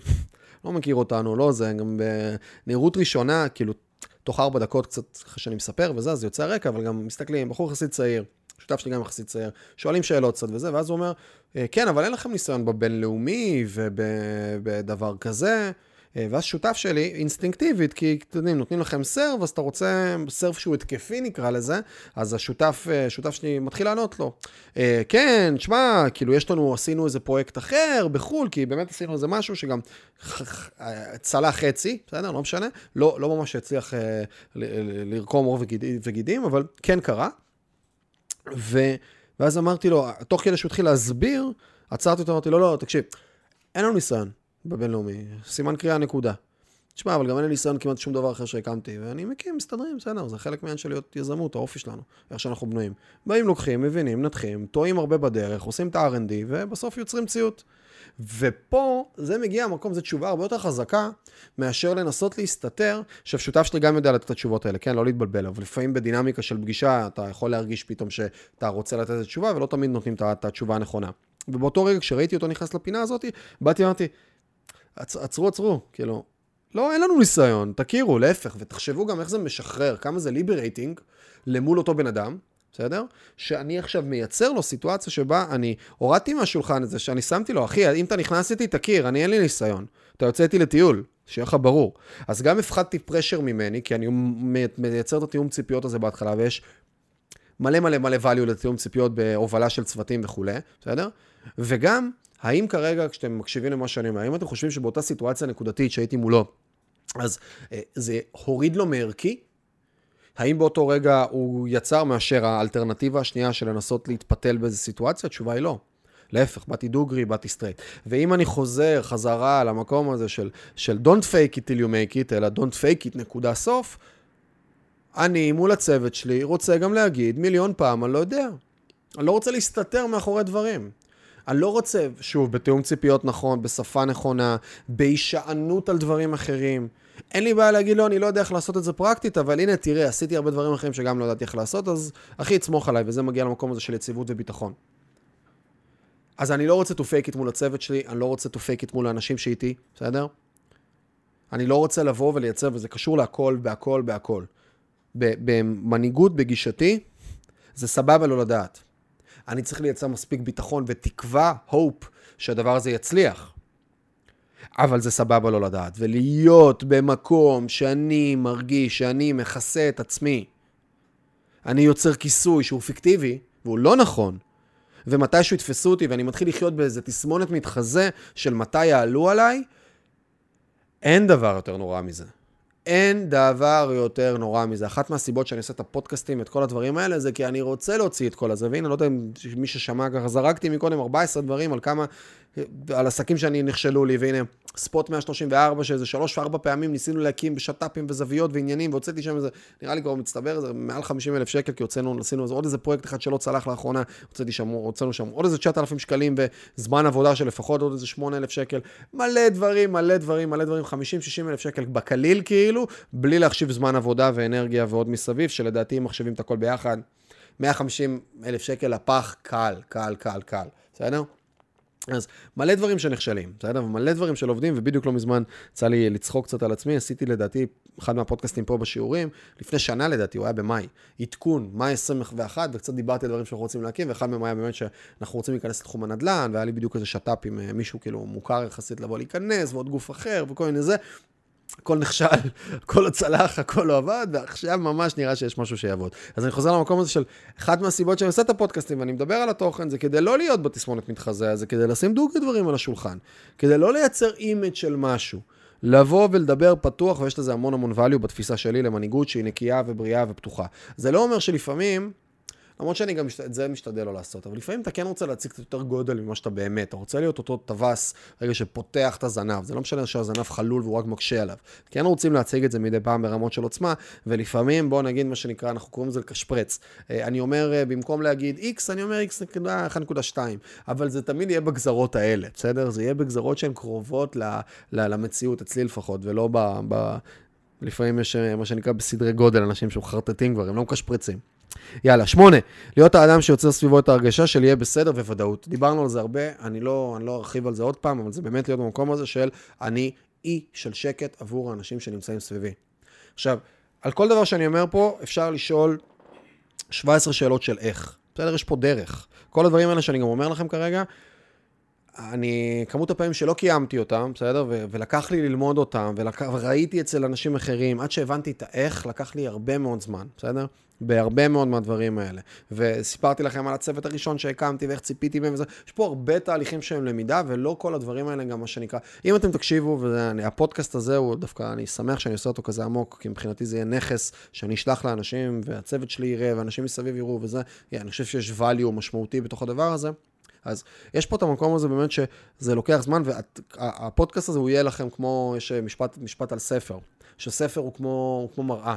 שבעצם כל פעם שאני מסתכל בו בתקופה אחרת, אני נראה שונה, הספר נראה שונה. למה? כי הפוקוס שלי הולך למקומות אחרים, כי אני חווה חוויות שונות בחיים, בסדר? אה, אה, אני אקרא ספר שקראתי לפני ארבע שנים, אני אקרא אותו אחרת, בטח אם הוא עיוני. גם הפודקאסט הזה, אם תקשיבו לו בעוד שנתיים, אתם תשמעו דברים אחרים. כי תעברו פרספקטיבה מסוימת של זמן, ותעברו חוויות מסוימות עם אנשים, ותעברו חוויות מסוימות ניהוליות, שפתאום אתם תיקחו משהו אחר, ואיזה פנינה אחרת, וגם יש פה ארגזים של מידע, אז אי אפשר לקחת הכל. אז אני אומר פה בהקשר הזה, אה, להיות האדם שיוצר את ההרגשה שלי יהיה בסדר והוודאות, וזה הרבה פעמים אין מה לעשות, מגיע יותר מהפנים. זה לא, בגלל שאנחנו לא רוצים להיות ב fake it, בגלל שאנחנו רוצים להיות במקום של אמיתי ואותנטי, אני צריך להיות בן אדם כזה שהוא מטייל בעולם והוא חי בהוויה של וואלה, יהיה בסדר. וואלה, אני אמצא את הדרך. וואלה, אני טוב מעצם היותי. וואלה, התוצאות שלי הן לא אני, וגם אם יש כרגע תוצאה מבחוץ שהיא לא טובה, אני יודע עמוק בפנים, יש לי את המסוגלות העצמית, שהתוצאה הזאת היא נקודה בזמן, ולא משהו שהוא תמונה כללית. מה שנקרא המשפט של אמיר אשל, מי שמפקד חיל האוויר, שהחיים הם, החיים הם לא תמונת סטילס, החיים הם סרט וידאו, בסדר? ובאותו הקשר, החיים הם סרט וידאו. גם אם כרגע לא, בעתיד זה כן. וזה משהו שצריך להיבנות מבפנים ולוקח לזה את הזמן, אבל once אני מצליח לבוא ולייצר את התודעה הזאת, וכאן מי שמקשיב לזה, אני ממליץ לכם בחום, יש לנו עוד פודקאסט סולו בשיעורים של עולמתי בית ספר, שנקרא סטואיזם, בסדר? תקשיבו לו, הוא מדבר הרבה על הבולט הזה בהרחבה, אה, באמת אחד מהדברים שאני יותר שולח לאנשים.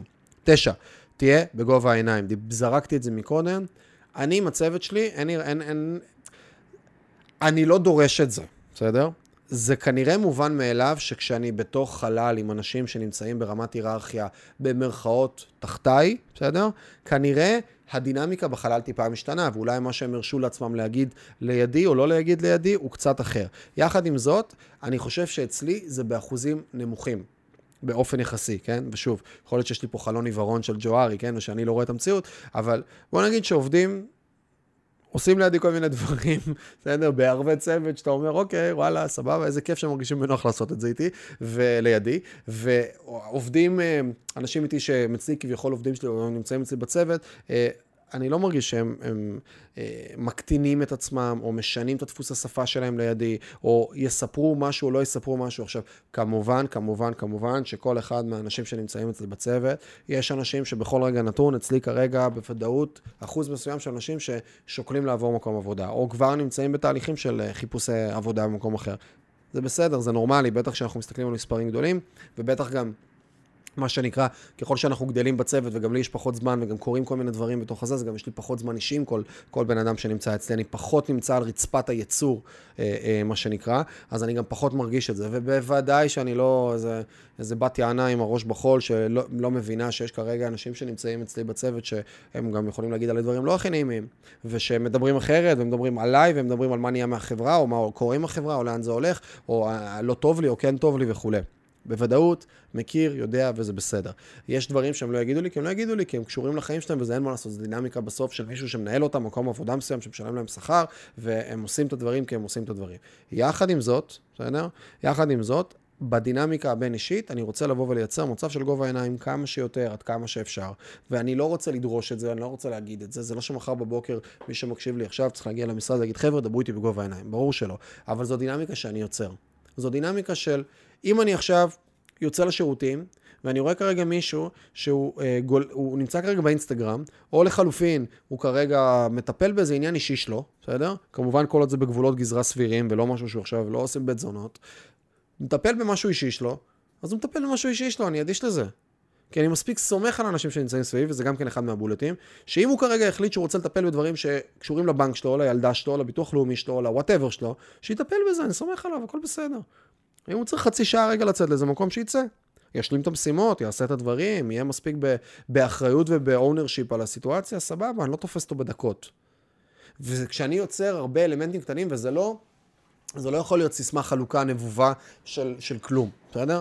זה חייב להיות ממקום של הרבה פעולות קטנות. זה מיכאל יוצא מהמשרד שלו לשירותים, על הדרך הוא עובר ורואה את כל הצוות, והוא, רואה, והוא שומע כרגע מישהו שמדבר עם הבנק שלו על עניינים אישיים שלו, והוא לא יזכיר לו את זה לעולם.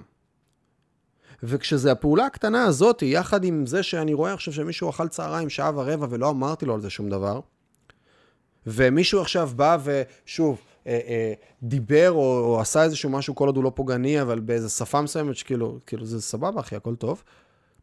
וזה הרבה דברים קטנים כאלה שיוצרים את הביטחון לאנשים שנמצאים סביבנו, להבין ש... שאני נמצא מולם בגובה העיניים, שאני נמצא מולם בסיטואציה מסוימת. עכשיו שוב, כל מה שאני אומר לכם כרגע, זה לא שאני, אה, זה לא בינארי, זה לא שאני כן ובמאה אחוז כן ולא, שזה יכול להישמע ככה הרבה פעמים, שאנחנו שומעים אנשים שמעבירים תכנים, שהם אה, מספרים, שהם כותבים ספר, שזה כאילו אצלם תמיד ככה. התשובה היא לא, וברור שיש לי דינמיקות עם, עם אנשים מסוימים שהן לא מרגישות בגובה העיניים, ולפעמים גם לא צריך, יש אנשים גם שאני לא רוצה להרגיש אותם בגובה העיניים, שאני צריך לתת להם סטירה לפעמים. בסדר? מטאפורית. ולפעמים גם לא מטאפורית, אבל מטאפורית, בסדר? אז לפעמים גם כן יש את הדינמיקות האלה שלפעמים צריך לעשות משבר יזום, וצריך לגרום למישהו להרגיש לא נוח בכיסא שלו, זה גם סבבה, ולפעמים אנשים מתבלבלים ואני צריך לבוא וליישר אותם, בסדר? זה גם כן חלק מהעניין, זה לא, לפעמים אני גם צריך להכניס סמכות. אבל גם הסמכות הזאת היא תגיע מהמקום המנהיגותי יותר, של להסביר רציונל מאחורה ועוד הרבה דברים נוספים, בסדר? אז גובה העיניים ובהינתן ואני יצרן, בהינתן ואני מחבר לחזון, בהינתן ואני בן אדם שאנשים שנמצאים סביבי מעריכים, בהינתן ואני בן אדם שהוא לא, שהוא walk the talk, בהינתן ואני בן אדם שהוא, שהוא עם אינטגריטי, שהוא עם יושרה מסוימת, שהוא עם הרבה דברים נוספים, אני יכול להרשות לעצמי לרדת לגובה העיניים, במרכאות לרדת לגובה העיניים, ולהיות לא מלמעלה. למה? כי אני לא צריך את זה. אני לא צריך את הבמה כדי לגרום לאנשים להבין שוואלה, יש פה מישהו ששווה להקשיב לו. מעצם היותי אני שם. ובדרך כלל, מי יוצר דיסטנס? מי שמרגיש שהוא צריך להתחבא מאחורי היררכיה, מאחורי סמכות, והוא לא מצליח לייצר את האיזון בין להיות חבר של מישהו לבין להיות מנהל של מישהו. והאם אני חבר של כל העובדים שלי? כמובן שלא. למה? כי אחד, לא. יש לי מספיק חברים גם משל עצמי. שתיים, גם אני לא מתחבר לכולם ברמה האישית חברותית, וזה בסדר. כולנו אנשים שונים, גם לא כולם מתחברים אליי. לא כולם היו רוצים להיות חברים שלי. וזה גם חלק מהעניין. אבל גובה העיניים הוא מין סוג של מקום של אני יודע שאני מספיק חזק ועם קור ועם ליבה באזורים אחרים, שאני לא מפחד להיות בגובה העיניים עם אנשים אחרים. אני לא צריך להתחבא מאחורי סמכות, מאחורי היררכיה.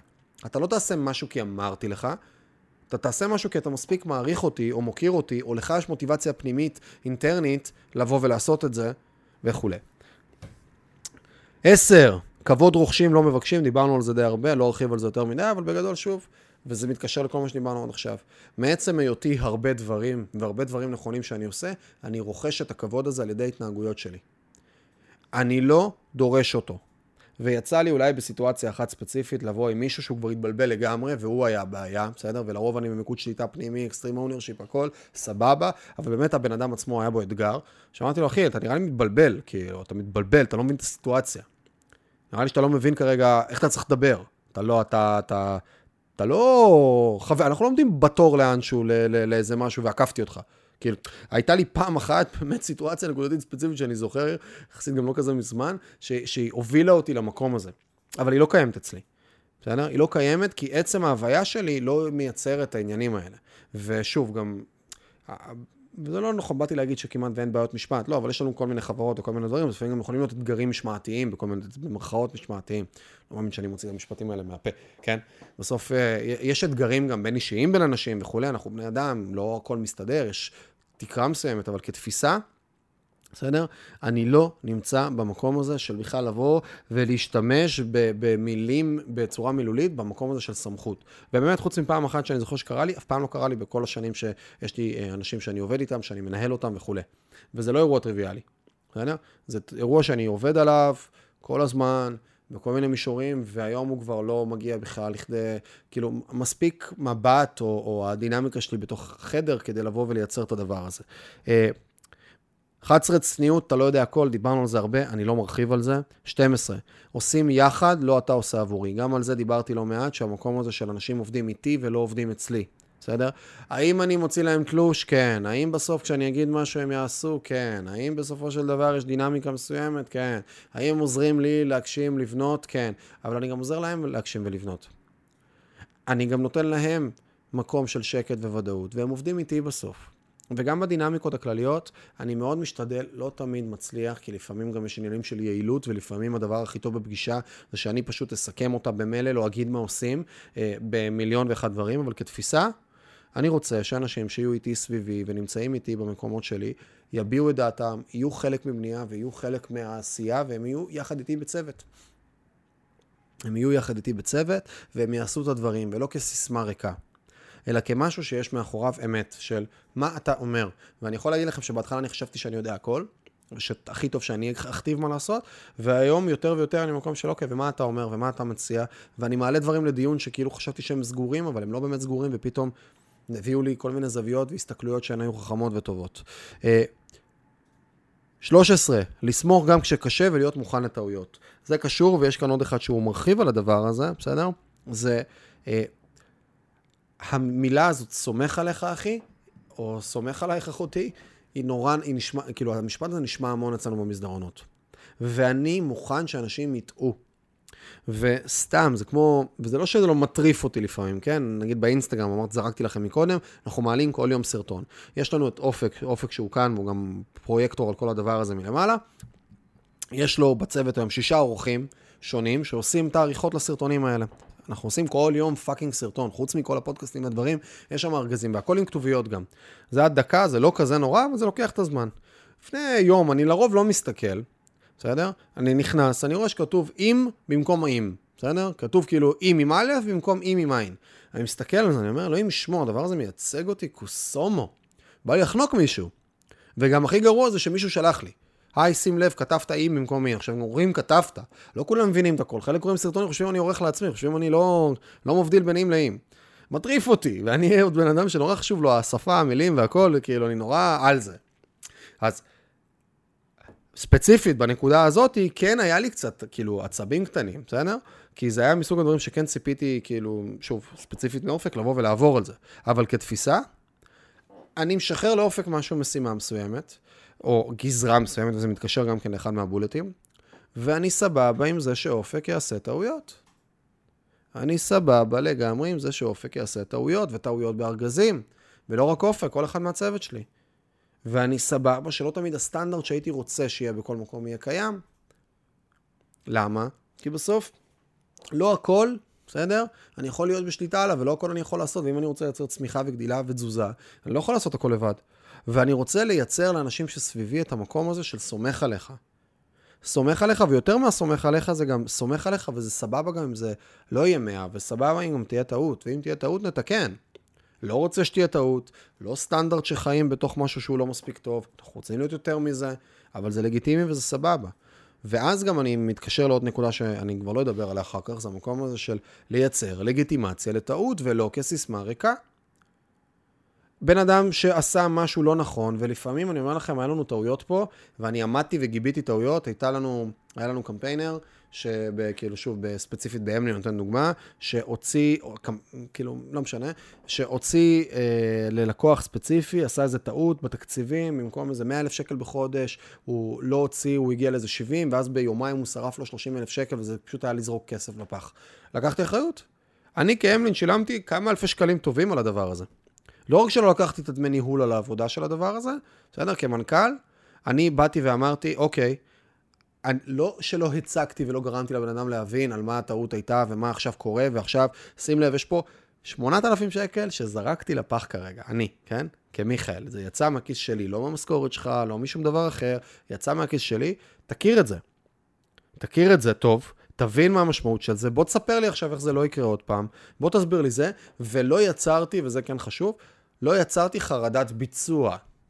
כי הרבה פעמים אם אני עושה טעות חריפה ונותנים לי בראש על הטעות הזאת עם מישהו בצוות שלי, אני פעם הבאה מפחד לבצע. זה מייצר אצלי דווקא אינטריגה. עכשיו, זה לא אומר שאני לא גורם לבן אדם להבין מה המשמעות של זה, ולא גורם לו להתעמק בתוך הדבר הזה, ואני לא אזכיר את זה 700 פעם בישיבת צוות ובדברים ובעניינים, אבל אני גם אתן לגיטימציה. בסדר? שם קוד, כשאני נגיד אציג את זה בישיבת צוות כמורק, אז אני אבוא ואני אגיד, היי חברים, אנחנו נמצאים בסיטואציה שבה אנחנו עובדים מול הרבה ממשקים והרבה לקוחות, והרבה קמפיינים והרבה דברים. מנהל קמפיינים ממוצע יכול להחזיק 100 קמפיינים במקביל. להכיר, לדעת, לראות מה לעשות. העבודה המרובה הזאת יכולה לפעמים לפגום בשיקול הדעת שלנו, לגרום לנו לא, לא להיות על הדברים ב-100%, וזה לגיטימי וזה חלק מהעניין, כי בסופו של דבר זה התפקיד ויש בו את המורכבויות שלו. יש בזה הרבה דברים נהדרים שאנחנו עובדים רוחבית מול הרבה לקוחות, כי זה מייצר פרספקטיבה, אסטרטגיות בין לקוח ללקוח שאפשר להעביר, חשיבות מסוימות, הסתכלויות לפעמים, לפעמים של dis-attachment, יש הרבה דברים נפלאים, וזה גם גורם לדברים האלה. וכרגע קרתה טעות ששם קודני עשה. טעות, הכי רסמי, לא misjudgment, לא טעות, נקודה, אין פה עוררין, אלא אם כן מישהו חושב אחרת, לתוך הדבר הזה. בואו נבין מה המשמעות של זה, זה עלה לנו ככה וככה כחברה. זה מהכיס של החברה הכי רסמי, זה סתם כסף שהוא נזרק לפח, זה אירוע לא נעים מול לקוח, זה פגיעה ב trust. האם זה לגיטימי שיקרו טעויות כאלה? כן. האם זה סבבה שיקרו טעויות כאלה? לא. האם אנחנו רוצים הרבה כאלה? לא. ואנחנו נזכור את הסכום הזה שיצא כרגע, את ה-8,000 שקלים האלה שנזרקו לפח, והועלו באוב, והיחיד שהרוויח מהדבר הזה היה מרק צוקרברג או לארי פייג' וסרגי ברין בגוגל. וצריך לבוא ולקחת ולהבין את זה. אז בואו נלמד מזה, ובואו עכשיו כל אחד יבוא ויגיד רגע איך אפשר פעם הבאה להימנע מתוך הדבר הזה. ואני אייצר כן לגיטימציה, אבל מצד שני אני אראה את החשיבות וזה סבבה. והאם יהיה לנו עוד טעויות בעתיד? כן. בגלל שאנחנו עושים הרבה דברים, האם אנחנו יכולים למזער, לקחת אחריות? כמובן שכן. ושוב, כל מה שאני אומר הוא גישה שלי. אפשר כמובן לייצר פה את הזה. אבל אני רוצה לייצר קרקע לטעויות שהיא סבירה. כי אם אני משתק אנשים, וזה בלנס, זה בלנס בין חשיבות ולהדגיש רגע את המשמעויות, לבין מהצד השני, להיות במקום של, אה, מצד אחד אני מדגיש את החשיבות וגורם לבן אדם להבין מה קרה, מצד שני אני עדיין מאפשר לגיטימציה להמשיך לעבוד ולעשות דברים ולהתנסות ולייצר חדשנות וכולי וכל הדברים מסביב. אחלה. 14, להבין מספיק בכל מה שהצוות עושה כדי לשאול שאלות חכמות. יש לי הרבה מה להגיד על זה, אני לא אכנס לזה יותר מדי, אבל בגדול אני רוצה, גם אם אני היום לא יודע לעשות מלא מהדברים שהצוות שלי עושה, בסדר, אני מנהל נגרייה, ויש לי כרגע נגר, והנגר הזה אה, כרגע, אה, כאילו יש לי אה, נפח ונגר ועוד מיליון תפקידים, ונגיד, ואני לא יודע לעשות כל התפקידים האלה. אני עדיין רוצה להיות מספיק עם הבנה כדי לדעת לשאול שאלות. למה בחרת להשתמש בלהב הזה ולא בלהב אחר? בסדר? זה יחתוך לך אותו ככה וככה, זה מה שאתה רוצה. למה מכרת את העץ הזה ולא את העץ האחר? תגיד, בריתוך פה, אתה חושב שזה מספיק חם כרגע? כי נראה לי שזה לא מספיק חם וזה ייצר אה, ככה וככה. אני רוצה להיות מסוגל לשאול את השאלות, כדי לגרום לכל הצוות להרגיש, בתחושה ובהוויה, אחד, שיש להם גורם מקצועי שהם יכולים להתייעץ איתו, ולא רק גורם ניהולי, וזה ממש, ממש, ממש, יש לזה מה שנקרא חשיבות. יש להם הרבה יותר מדי מנכ"לים, סתם היום אנחנו, אילון אה, מאסק קנה את טוויטר. יש סיכוי טוב שאילון מאסק יהיה אחלה של מנכ"ל לטוויטר. אני לא יודע אם הוא יהיה מנכ"ל לזה, כנראה הוא יביא, אני לא יודע מה הוא יעשה כבר, המשוגע הזה, אבל הוא קנה את fucking טוויטר. הוא מנכ"ל של product. הוא מהנדס, גם בטסלה, הוא מהנדס, הוא מבין את ה details. בספייסקס, הוא נמצא ב details של המוצר תוכנה, הוא גם טכנולוג ראשי. הבן אדם כאילו מטריף, הוא גם מנכ"ל של שתי חברות וגם הוא ה-CTO, בסדר? הוא ה-Chief Technology Officer או Chief Engineer Officer, או שהם הגדירו את זה אצלם, כאילו מי שאחראי על המוצר בספייסקס, ושם, בוא נגיד שהמוצר שם מורכב, בסדר? כל הדרגונים שלהם למיניהם. אז למה הוא יכול להיות כנראה מנכ"ל טוב בטוויטר? כי הבן אדם משתמש בפלטפורמה. הוא אחד ה userים היותר חזקים שם, הוא מבין איך היא עובדת. הוא לא רק מביא מהמקום של אחלה, עשיתי עסקה פיננסית. וכשאני רוצה להיות מנהל טוב, אני רוצה להבין ב product גם במוצר. אני רוצה לדעת לשאול שאלות. לא בהכל אני צריך להיות הכי טוב. תשאלו אותי האם אני יודע לעשות את כל הדברים שכרגע הצוותים שלי עושים למיניהם, copy וגרפיקה וקמפיינים ובהשקעות נדל"ן ואיתור נכסים ומכירות ו- וכתיבת תוך, כאילו, וממשקים של טכנולוגיה ואקסלים מורכבים ותכנות ו- ובנייה, בילדרים של כל מיני דברים, כאילו, ברור שלא. ברור שלא, אני לא יודע, אני לא יודע לעשות, עזבו, לעצב, אבל אני יודע לשאול שאלות. אני יודע להסתכל על משהו מוגמר, אני יודע להבין תהליך. ובכל רגע נתון, אני גורם לכל האנשים סביבי לדעת שאני מישהו שהוא בלופ. ולא מישהו שמדבר מהקומה ה-98 גבוהה גבוהה ולא מבין. אז אני רוצה להבין קצת לפחות בכל אחד מהדברים שהם עושים. לתת חופש בתחומי אחריות, בגזרות ולא במשימות. גם חשוב.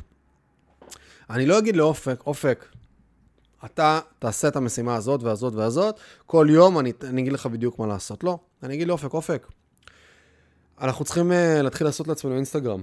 Uh, אתה מנהל פרויקט בהצלחה. בוא נחשוב ביחד, אני כלי עבורך, בוא נחשוב ביחד מה אנחנו רוצים לעשות שם, על מי אנחנו עושים modeling, איך מסתכלים, מה הדברים שאנחנו רוצים, מה השפה שאנחנו רוצים לעשות, ומבחינתי תוביל כאילו תיאומים של ימי צילום, תבנה כוורת של ספקים uh, שיעבדו איתנו ברמת העריכות והדברים, uh, בוא נבין רגע, תבנה את תהליכי הפצה והכל, ובוא נעשה את הדברים, בוא נגדיר ביחד את התוכנית עבודה ואת האסטרטגיה, ואתה אחראי על כל התחום הזה.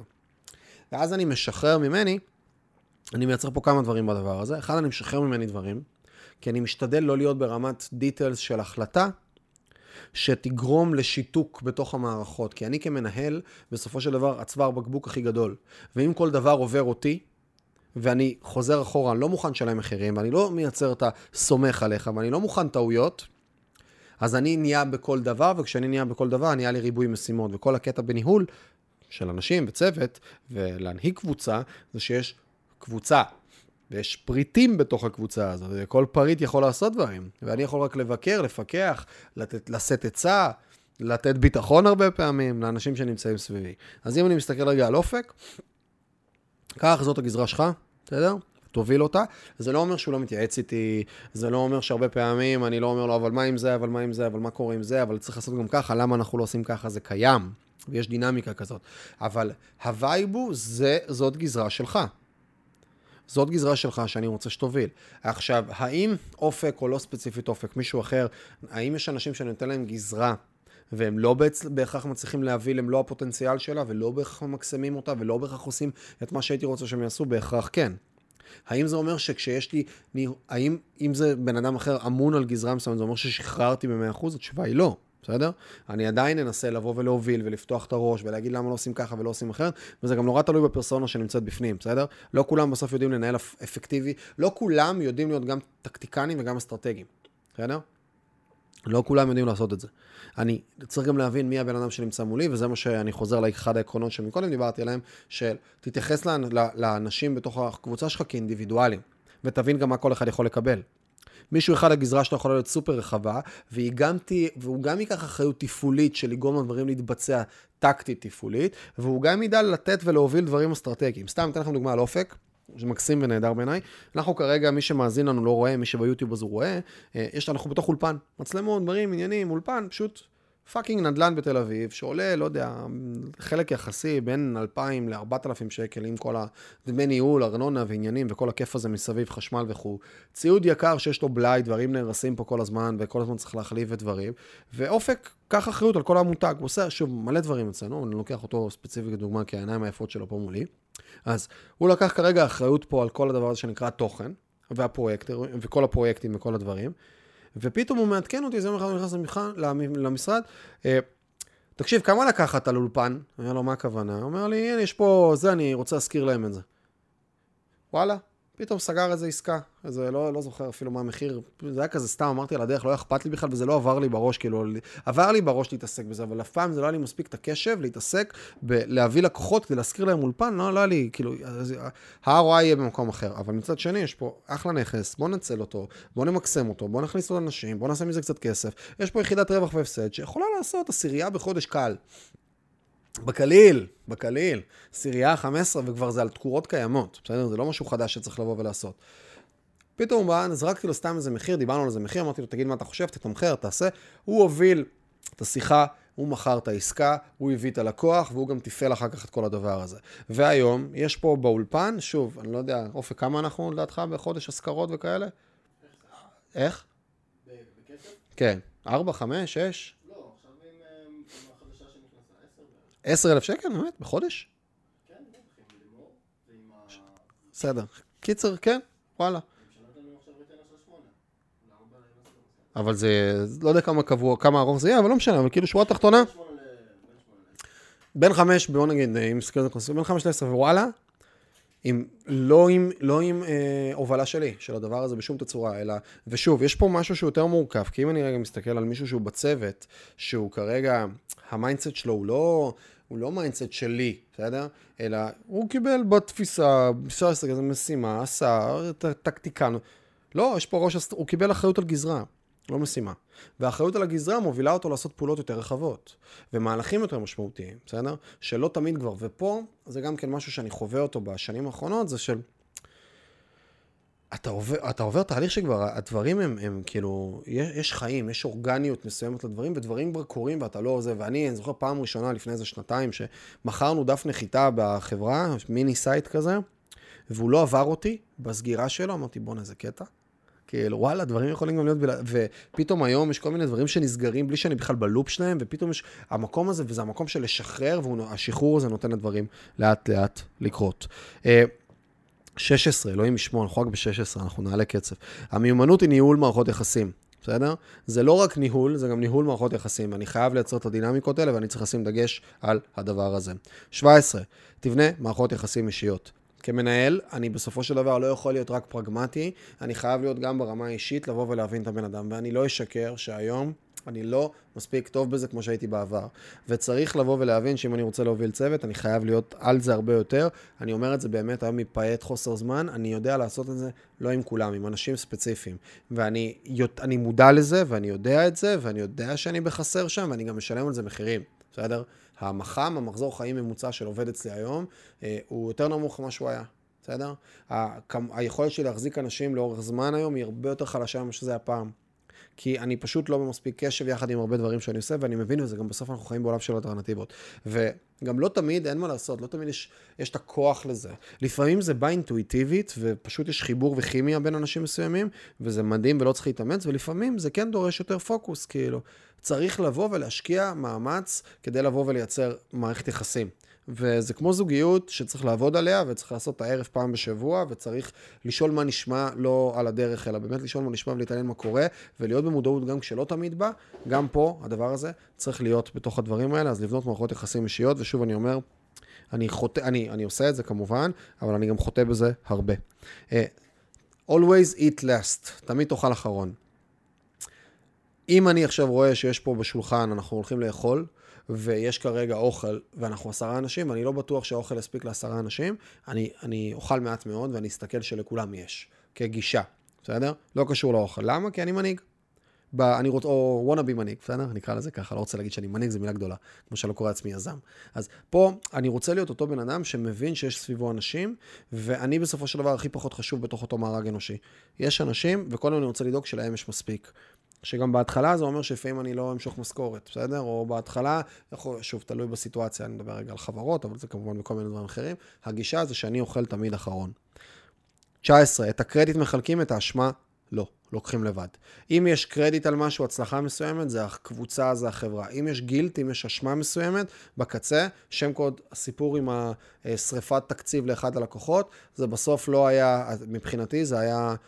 בסדר, כאילו, זה אני, אני באחריות, לא בניתי מנגנון מספיק חזק כדי לגרום לדבר הזה לא לקרות, והגיידליינס לא היו מספיק טובים. מול הלקוח, אני באחריות, לא הצוות, לא עובד.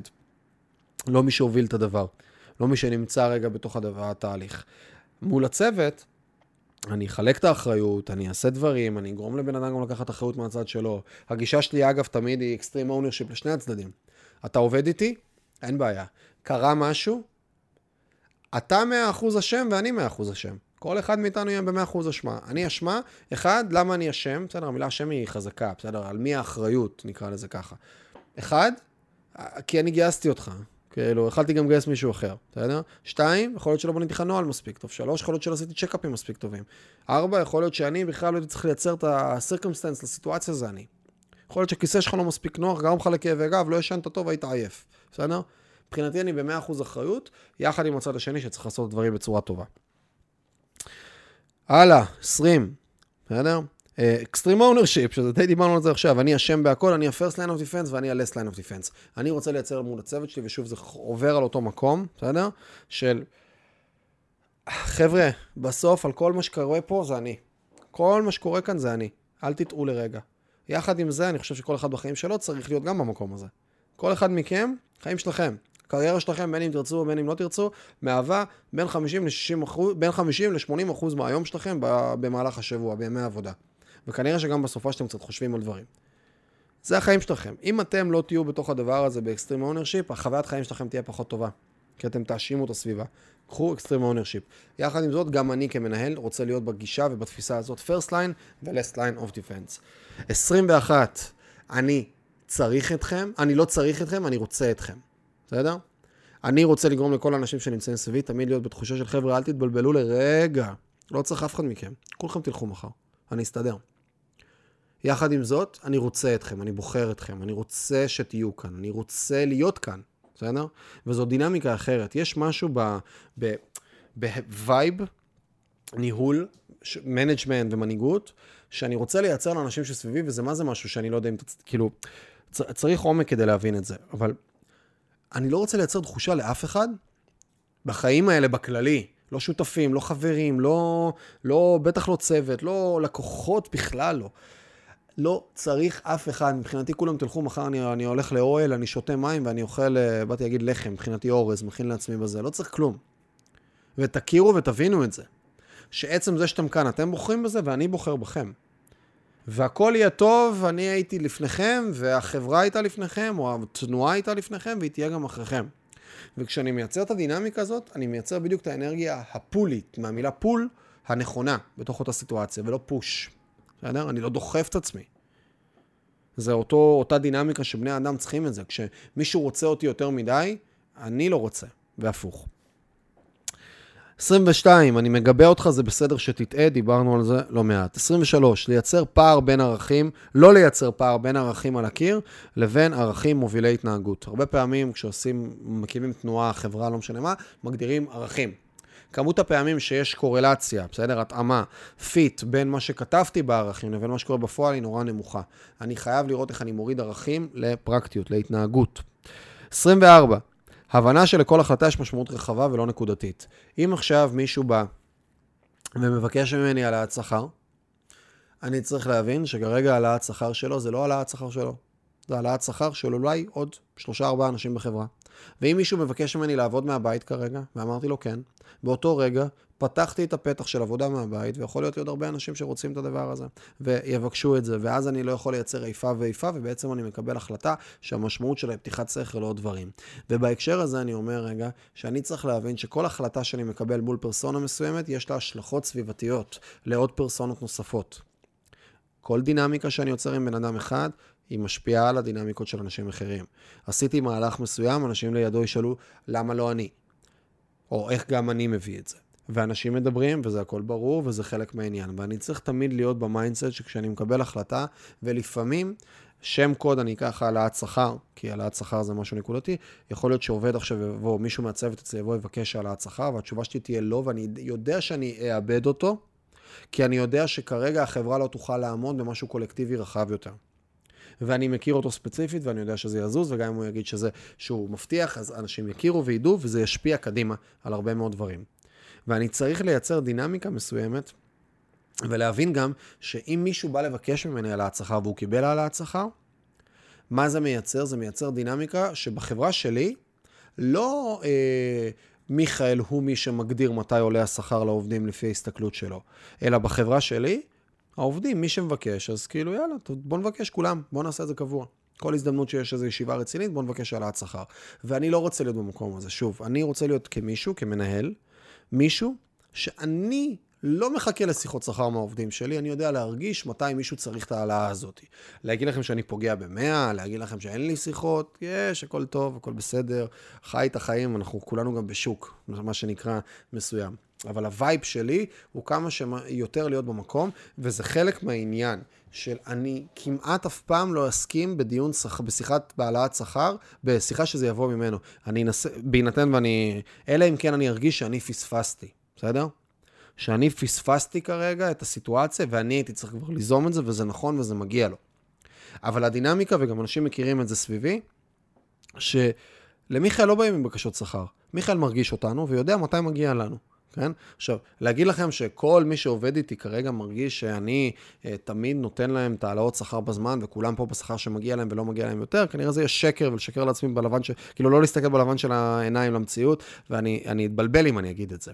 אבל אני רוצה להיות במקום הזה, אני שואף להיות במקום הזה, ואני חושב שכן אנשים מרגישים את זה באיזשהו מקום סביבי. אה, ואני חוזר לבולט עצמו, הבנה שלכל החלטה יש משמעות רחבה יותר ולא נקודתית. כשאני מקבל החלטה על משהו ספציפי, בסוף אני צריך להסתכל על מה המשמעות של הדבר הזה רחב יותר. אם עכשיו, לא יודע מה, לכולם יש אה, מחשבים נייחים וקניתי למישהו אחד לפטופ, יש פה עניין. אפילו זה דברים קטנים ומצחיקים ומגוחכים, כן? כאלה. זה יש משהו בדבר הזה של אם אני, קני, עכשיו מישהו הגיע והוא קיבל אוזניות, עכשיו זה מגוחך, זה לא סיטואציה, לכולם יש פה ציוד מלא וזה, והכל טוב, אבל כתפיסה. ולאחרים אין, רגע, למה הוא כן ואנחנו לא? וגם אם לא יבקשו את זה, זה מייצר היררכיה, כאילו, אני צריך להסתכל בקיצור רוחבית. הלכתי לדברים חומריים, אבל זה לא רק זה, זה גם על הרבה דברים מסביב. 25, אה, אתה תחווה את הסטנדרט הכי נמוך שאתה תהיה מוכן לשאת מאנשים סביבך. זה אלמנט כללי לחיים, אבל הוא בטח נכון לניהול, שבסוף כשאני עובד מול אנשים, אה, הם מרגישים, אם אני אהיה מוכן לשאת סטנדרט נמוך, הסטנדרט הכי נמוך שאני אהיה מוכן לשאת, לזה הדברים סביבי יתכנסו. בסדר? זה העולם. אם עכשיו, הם מרגישים את זה הרבה פעמים במכירות. אם אני, איש המכירות אה, או אשת המכירות, בדרך כלל הולכים למכנה המשותף הנמוך ביותר שיש להם עם הלקוח ברמת המחירים. אם אני אומר עכשיו לאיש מכירות, תקשיב, אתה יכול למכור ללקוח או מוצר ב-12,000 שקל או למכור לו ב-5, תבחר אתה איזה מוצר שאתה רוצה. רוב הסיכויים שרוב המכירות שלו יהיו סביב ה-5,000 שקל. תלוי, יכול להיות אנשים נורא ספציפיים שהם ב mindset אחר, כן? אבל רוב האנשים ילכו למקום שטוב, תן לי לפחות את המכירה הקלה. תן לי לפחות לצאת עם משהו. ומלכתחילה הם לא יטפלו בהתנגדות, או יגרמו ללקוח, או ישאלו מספיק שאלות טובות כדי לגרום ללקוח להבין למה הוא צריך את ה-12, הם ילכו אינסטינקטיבית ל-5, כי הם לפחות רוצים, תן לי לפחות לצאת עם משהו. לא מזמן דיברתי עם אחי, בסדר?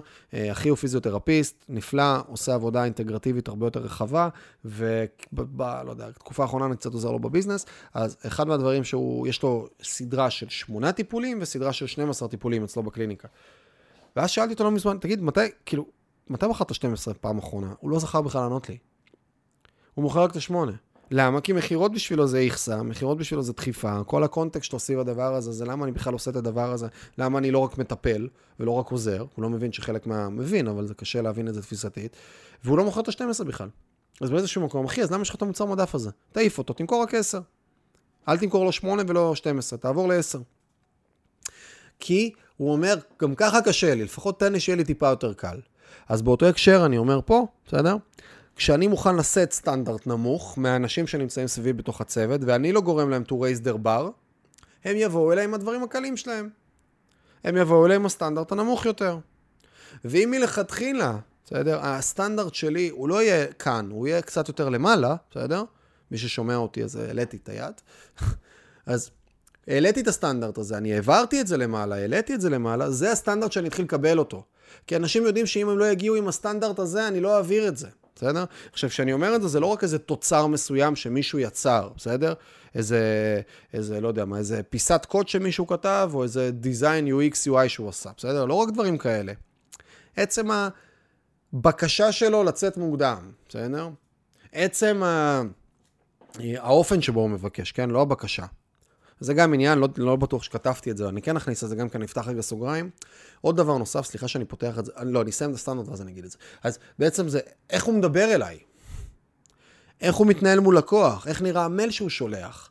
איך נראים הרבה דברים מסביב? הסטנדרט הכי נמוך שאני אהיה מוכן לשאת, זה מה שאני אקבל מהסביבה שלי, כי אין מה לעשות, אנשים, רוב האנשים, וכן, כולם רוצים, אתם יודעים, כאילו, רוצים A-Players, וכולם רוצים את הטאלנטים אצלם בצוות, ו talent acquisition, וכולם מביאים את הזה, והמציאות לא תמיד שם, לא תמיד כולם טאלנטים, ולא כולם תמיד באים עם מצוינות, ויש הרבה אנשים שבאים בגדול למקום עבודה, שיהיה להם נחמד וכיף, זה לא כל החיים שלהם, לא כל דבר אצלם הוא מצוין, מצוין, מצוין, גם לא תמיד, לא כל תחום יודע להביא רק אנשים שהם באיזשהו מקום מצוינים, מצוינים, מצוינים, למרות ששוב, אני באמת מרגיש שאצלנו יש אנשים שהם טובים, בסדר? אבל אין מה לעשות, אם אני לא, אם אני כאילו עובד בהייטק, יש לי ארגזים של כסף, אני יכול, אבל אם אני בתעשיות אחרות, לא, לא יכול לשלם עכשיו 40 אלף שקל, 50 אלף שקל לכל אחד, אין, זה לא החברה, מספרים לא מתכנסים, בסדר? אז המקום הזה גם אני רגע צריך לבוא ולהבין שבסוף, הרבה אנשים מוצאים סבבה ונחמד, ולפי הסטנדרט שאני אהיה מוכן לשאת כמנהל, הם גם יכילו אותו. ואני רוצה to raise the bar. אני רוצה לגרום לאנשים הרבה פעמים מסביבי לדעת של, אם מלכתחילה אתה מגיע אליי עם דבר כזה, אתה יודע שזה לא יעבור, אז אל תגיע. עכשיו, שלוש פעמים הוא יגיע אליי עם סטנדרט נמוך. בפעם הרביעית הוא כבר לא יעשה את זה, כי הוא יודע שזה לא יעבור, הוא יסדר את זה בעצמו לפני זה. בנוגע לכל דבר. דבר נוסף שאני פותח סוגריים קטנים לגביו, אני נורא שם לב לשפה. וכשמישהו מהצוות אצלי, ושימו לב שאני כאילו נורא התחלתי בלידרשיפ וחזון וגבוה, ואני יורד לאלמנטים סופר פרקטיים, אה, אה, וכאילו שיכולים להישמע רגע למישהו מהצד, לא הבנתי. על מה הוא מדבר איתי? כאילו, הוא יורד איתי לרזולוציות מסריחות, כאילו, של ניהול הכי... אבל בסוף, מה שנקרא, יש את החיים עצמם. בסדר? כמו המחזות של uh, חנוך לוין. בסדר? של בסוף, כאילו, החיים זה דבר שהוא נורא ספציפי. הוא הרבה פעמים מכוער, והרבה פעמים הוא, הוא, הוא, הוא דברים יומיומיים גם, בסדר? לא הכל uh, סיפורים ואגדות ויפים. יש מלא אלמנטים של מנהיגות, אבל מנהיגות זה גם בדברים הקטנים. מנהיגות, וזה אני אתן דוגמה רגע גם כן באלמנט הזה, יכול להגיע אליי מישהו עכשיו, ולהגיד לי, מישהו מהצוות, ולהגיד לי, אה, תשמע, ביום שני אני אגיע ב-10 כי אני הולך לבנק לפני זה. האם יש לי בעיה עם זה שהוא הולך לבנק? לא. האם זה סבבה מבחינתי של העובדים ולאנשים שעובדים איתי, בסדר? לצוות? יש כל מיני דברים בחיים האישיים שלהם? תשובה היא לא, לגיטימי לגמרי. האם אני מחפש להגיד לו, אתה בא ב-10 אז תשלים שעה בערב? לא, אני לא כזה, ממש לא. פעם הייתי, היום לא. אבל אחד, האם אני מצפה שהוא ישלים בעצמו את השעה או ייתן טיפה אקסטרה במקום אחר? כן. וזה יספר כנקודה, אין מה לעשות. זה לראות רגע איך הבן אדם מתייחס, האם, האם הוא בא רק לקחת או הוא בא גם לתת? האם הוא מבין את הדינמיקה, האם הוא מבין את האמפתיה? האם הוא, הוא נותן טיפה מעבר במקומות אחרים?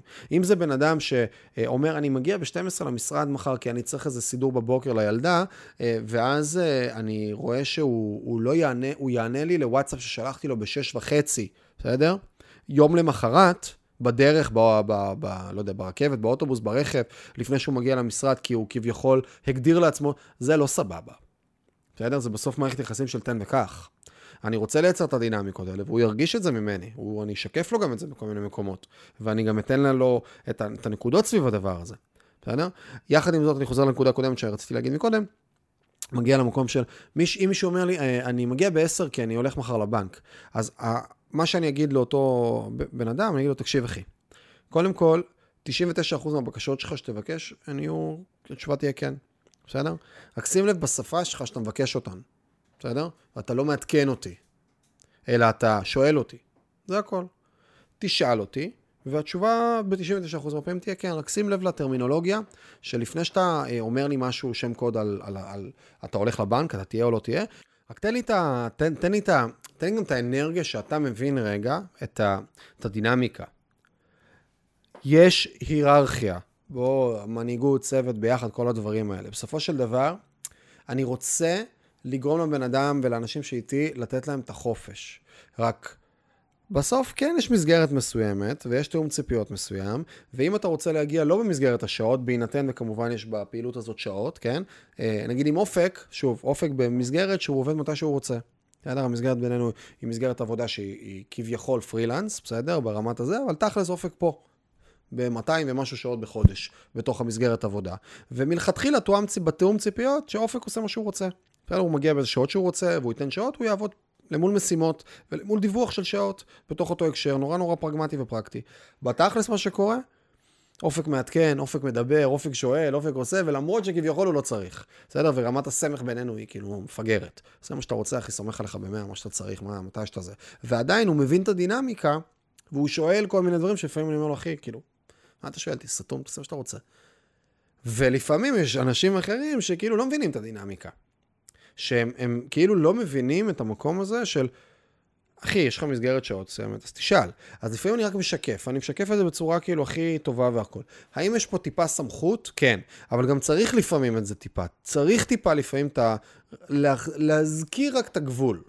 אני לא דורש כבוד, אני לא דורש הערכה, אני לא דורש שום דבר. רק שים לב שאם אתה מבקש משהו שהוא חריג מהנורמה שסוכם עליה, שיש תיאום ציפיות לגביה, אני אשמח, בסדר? אשמח שתעדכן אותי. תעדכן אותי, לא תעדכן אותי, סליחה, כמובן שתעדכן אותי, אבל שתשאל אותי. למרות שהתשובה תהיה 99% כן, ואני אעיר על זה, בסדר? גם באלף אעיר את הזרקור, וגם בעין אעיר הערה. ת, תבקש ממני, וזה קטנות שיש להן גם משמעות בבנייה של הדינמיקות מול האנשים שנמצאים סביב, ושוב, אני אומר, אנשים סביב יודעים שהם מקבלים באמת, כאילו, אני נורא מייצר אנרגיה של אחים, אם זה מספיק חשוב לך וביקשת את זה כך, הכל טוב, כאילו, תעדכן אותי מה קורה, רק הם מכירים את הזה שלי, רק תשלח מייל, רק תוציא זימון, רק תעדכן את נוי, רק זה, כאילו, שוב, תלוי באיזה צוות, באיזה חברה, באיזה פעילות. אז, באותו הקשר, ושוב, אם אני, סתם, אני חוזר לדוגמאות ספציפיות, כי בסוף זה החיים, נוי, אה, אצלי בצוות, ושוב, זה גם כן דינמיקה מורכבת, שלא ניכנס לכל המשמעות של איך היא קרתה וכולי, אבל עקרונית היא, בשנה האחרונה, בחצי שנה האחרונה, היא עשתה רילוקיישן עם הבן זוג שלה לחו"ל. והיא עובדת מרחוק, ארבעה ימים בשבוע מתוך חמישה. והיא היא, היא בורג סופר קריטי בתוך כל, ה, בתוך כל החברות, בסדר? היא לוקחת חלק בהרבה מהדברים שקיימים בתוך החברות. ו... נוי עכשיו, כאילו, היא עוברת, היא עושה רילוקיישן כזה כל uh, כמה uh, ימים, שבועות, הם עוברים ממדינה למדינה וכולי. לפעמים אני רואה בצהריים, שהיא מעלה סטוריז 40 דקות מכל מיני לוקיישנים. סטורי אחרי סטורי אחרי סטורי, עם כיתובים, ומספרת, בלוגרית כזה בווייב, באנרגיה. אני מסתכל, ומדי פעם אני רואה את זה, לא יודע, פתאום מסתכל, נכנסתי רגע לאינסטגרם, אני רואה את זה. ומצד אחד אני אומר, תראי, יש לה, היא לגמרי, אה? היא יושבת לי עכשיו 40 דקות והיא מעלה לי סטורי, זה מה שהיא עושה כרגע. כאילו, יש לה משימות, למה היא לא מקדמת אותן? מצד שני, אני אומר, אני שמח שהמערכת יחסים בינינו היא כזאת, שהיא מרגישה סבבה לעשות את זה.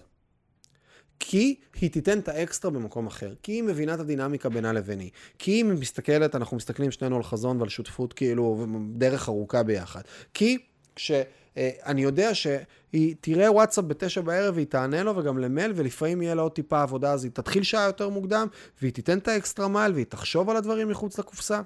ובסוף יש פה דינמיקה שהמערכת יחסים יותר רחבה ואני כן רוצה להראות לאנשים שאיתי שזה בסוף, יש פה מארג של אנרגיה ביני לבינם. ביני לבין, בתוך אותה מערכת יחסים. ויש לה הרבה נקודות. וכשבן אדם מפסיד נקודה באיזשהו מקום, אני רוצה לשקף לו את זה ולהסביר לו למה הוא הפסיד נקודה. לפעמים הוא יבין את זה ולפעמים הוא לא יבין את זה, וזה גם בסדר. אבל פה בדיוק מגיע המקום הזה של שיקוף, ויש נקודה על זה תכף שאנחנו גם נדבר עליה, בסדר? נגיע אליה תכף. אה, קטע, זה בדיוק הנקודות שאנחנו הולכים לדבר עליהן עכשיו, שזה משעשע. 26, אה, המטרה היא לצמצם את חלון העיוורון לצוות שלך. מצחיק שזה בדיוק הנקודה הזאת. יש את חלון ג'וארי, אה, שני הפילוסוף, שני הפסיכולוגים ג'ו וארי, שבעצם פיתחו איזשהו מודל מטריצה כזה, של בעצם יש ארבעה חלונות, יש את החלון הגלוי, שזה מה שהסביבה יודעת עליי ומה שאני יודע על עצמי, יש לי מה פרק שלם על זה, אם תרצו, בחמש דקות של התפתחות בפודקאסט, תוכלו להקשיב לזה, אני עושה הרבה רפרנסים היום. אה, אז יש בעצם את החלון הגלוי, שזה בעצם מה שהסביבה יודעת עליי ומה שאני יודע על עצמי, שם קוד, אני כרגע עם חולצה בצבע בורדו. אגב, שיחלקו עליי, אבל לא משנה, נגיד והייתי ג'ינג'י, ואני, גם אני יודע וגם הסביבה. יש את החלון הסמוי, סמוי זה רק אני יודע, הסביבה לא יודעת עליי. נגיד משה, יש לו סרטן, בסדר? לא עלינו חלילה, אה, והוא כרגע, אה, מה שנקרא, יודע את זה, הוא לא סיפר למשפחה. בסדר? אז הוא נמצא כרגע באזור הסמוי. יש את המקום הנסתר. הנסתר זה למשה, לא עלינו, יש אה, סרטן, בסדר? והסרטן שלו הוא כרגע לא התגלה, לא על ידי משה, לא על ידי אף אחד ולא על ידי אנשים, אבל הוא כבר בפנים. זה הנסתר, משהו שאף אחד לא יודע. ויש את חלון העיוורון. חלון העיוורון זה מה שאני תמיד נותן דוגמה, אז אני צריך למצוא דוגמה יותר טובה מה, מהדוגמה הנוראית הזאת. אה, ויש את המקום של אה, החלון ה... לא נסתר, חלון העיוורון. בסדר? שחלון העיוורון זה בעצם, אני לא יודע על עצמי, אבל הסביבה יודעת עליי. שם קוד יש לי ריח רע מהפה, הסביבה לא יודעת שיש לי. אני חושב שאני נורא מצחיק, הסביבה חושבת שאני ממש לא מצחיק. והמטרה שלי כמנהל, זה לעזור לצוות שלי לצמצם את חלון העיוורון. כמנהל, כמנהיג. אני רוצה לשקף להם, אני רוצה לראות משהו, לאסוף מספיק, וזה גם כן קשור, אני לא בטוח שכתבתי את זה או לא כתבתי את זה, אבל אה, כשאתם נותנים משוב או מחמיאים, תמיד תחמיאו או תמשבו ספציפית. נקודתית, על אירועים ספציפיים, על דברים ספציפיים. בחיים אל תגידו למישהו שעובד איתכם או תחתיכם, אה, אחי, אתה אה, ככה וככה, אתה... אתה בן אדם חסר סבלנות, קשה לעבוד איתך. לא, אני צריך לקחת את החסר סבלנות, או אני חושב שיש לך נטייה לחוסר סבלנות, אגב, כי כשאני אומר לבן אדם אתה חסר סבלנות, שוב יש פה מלא עניינים של, לא ניכנס להכל של תקשורת בין אישית, אבל בסוף זה גם ניהול. כשאני אומר לבן אדם אתה חסר סבלנות, אני כרגע יצרתי אתה, אתה ואני, אני מולך, ואתה חסר סבלנות, אני הגדרתי עובדה על הזהות של הבן אדם. once עשיתי דבר כזה, אוטומטית הבן אדם הרבה פעמים נכנס למגננה, וזהו, אני איבדתי אותו בתוך השיחה. כשאני אומר לבן אדם, אתה חסר סבלנות. אבל כשאני אגיד לבן אדם, אני חושב שאתה, ושימו לב, אני חושב שאתה, אה, יש לך נטייה לחוסר סבלנות בלא מעט מקרים, בסדר? כרגע אני מייצר דיון שהרבה יותר קל לצד השני להסכים איתו, כי זה לא הוא, זה לא זהותך, זה לא כל כולך, זה יש נקודות שבהן אתה חסר סבלנות, ואתה מביע חוסר סבלנות מסוים, ועכשיו, והנה בואו ניקח לדוגמה, לדעתי ביום שני שבוע שעבר היה את הפרזנטציה שעשינו לככה וככה, והיה ככה וככה, וראיתי שם שהתנהגת ככה וככה, ולפני איקס זמן, במקום הזה מול הלקוח הזה, גם היה ככה וככה. ואז, מה שנקרא, בתקשורת הזאת, במשוב הזה, בנקודה הזאת, אחד, לא מישבתי את הזהות, מישבתי את הסיטואציה, זה נותן לו יותר מרווח תנועה, כי לפעמים הוא גם לא חסר סבלנות, בוא נראה איך אתה יותר כזה ופחות כזה, ושתיים, גם מישבתי ספציפית. בסדר? נתתי דוגמאות נקודתיות, שגם עליהן כמובן אפשר להתווכח, אבל אפשר הדיון הוא הרבה יותר ענייני ורלוונטי, וגם באתי אני כביכול יותר מוכן, ואני נותן לו דברים שהם יותר עובדתיים, בסדר? זה כמו שאני לא בא ואומר למישהו, רצחת מישהו, בסדר? אני אומר, רצחת, היית פה, אין לך אליבי, יש תמונות מהמצלמה, מצאנו את הכלי נשק, והנה הזה, והנה המוטיב שלך, המניע למה גרם לך לעשות את הדבר הזה, בסדר? יש פה כאילו הרבה אלמנטים בתוך, הד... בתוך התהליך. אז גם כשאני מול הבן אדם, אני רוצה להיות ספציפי. והמטרה שלי לצמצם את חלון העיוורון, לגרום לאנשים שנמצאים מולי, לגרום לאנשים שנמצאים מולי, לצוות שלי, נמצאים איתי, לייצר מצב שהם כמה שפחות. נתתי את הדוגמה מקודם על אה, מישהו שבא ואומר, מעדכן אותי שהוא, שהוא הולך לבנק בבוקר, ואז אני לא ממשב אותו ולא מצמצם לו את חלון העיוורון ולא מעיר לו על הסיטואציה הזאת, והוא כרגע לא בא לי טוב, הוא איבד אצלי נקודות, הוא מעצבן אותי בסיטואציה הזאת, ואני צובר את זה ולא הסברתי לו למה אפילו, ויכול להיות שהוא ממש גבר וסבבה, או היא ממש גברת והיא אחלה, אבל, ואין להם את המודעות לזה פשוט, כי אף פעם לא אמרו להם על זה.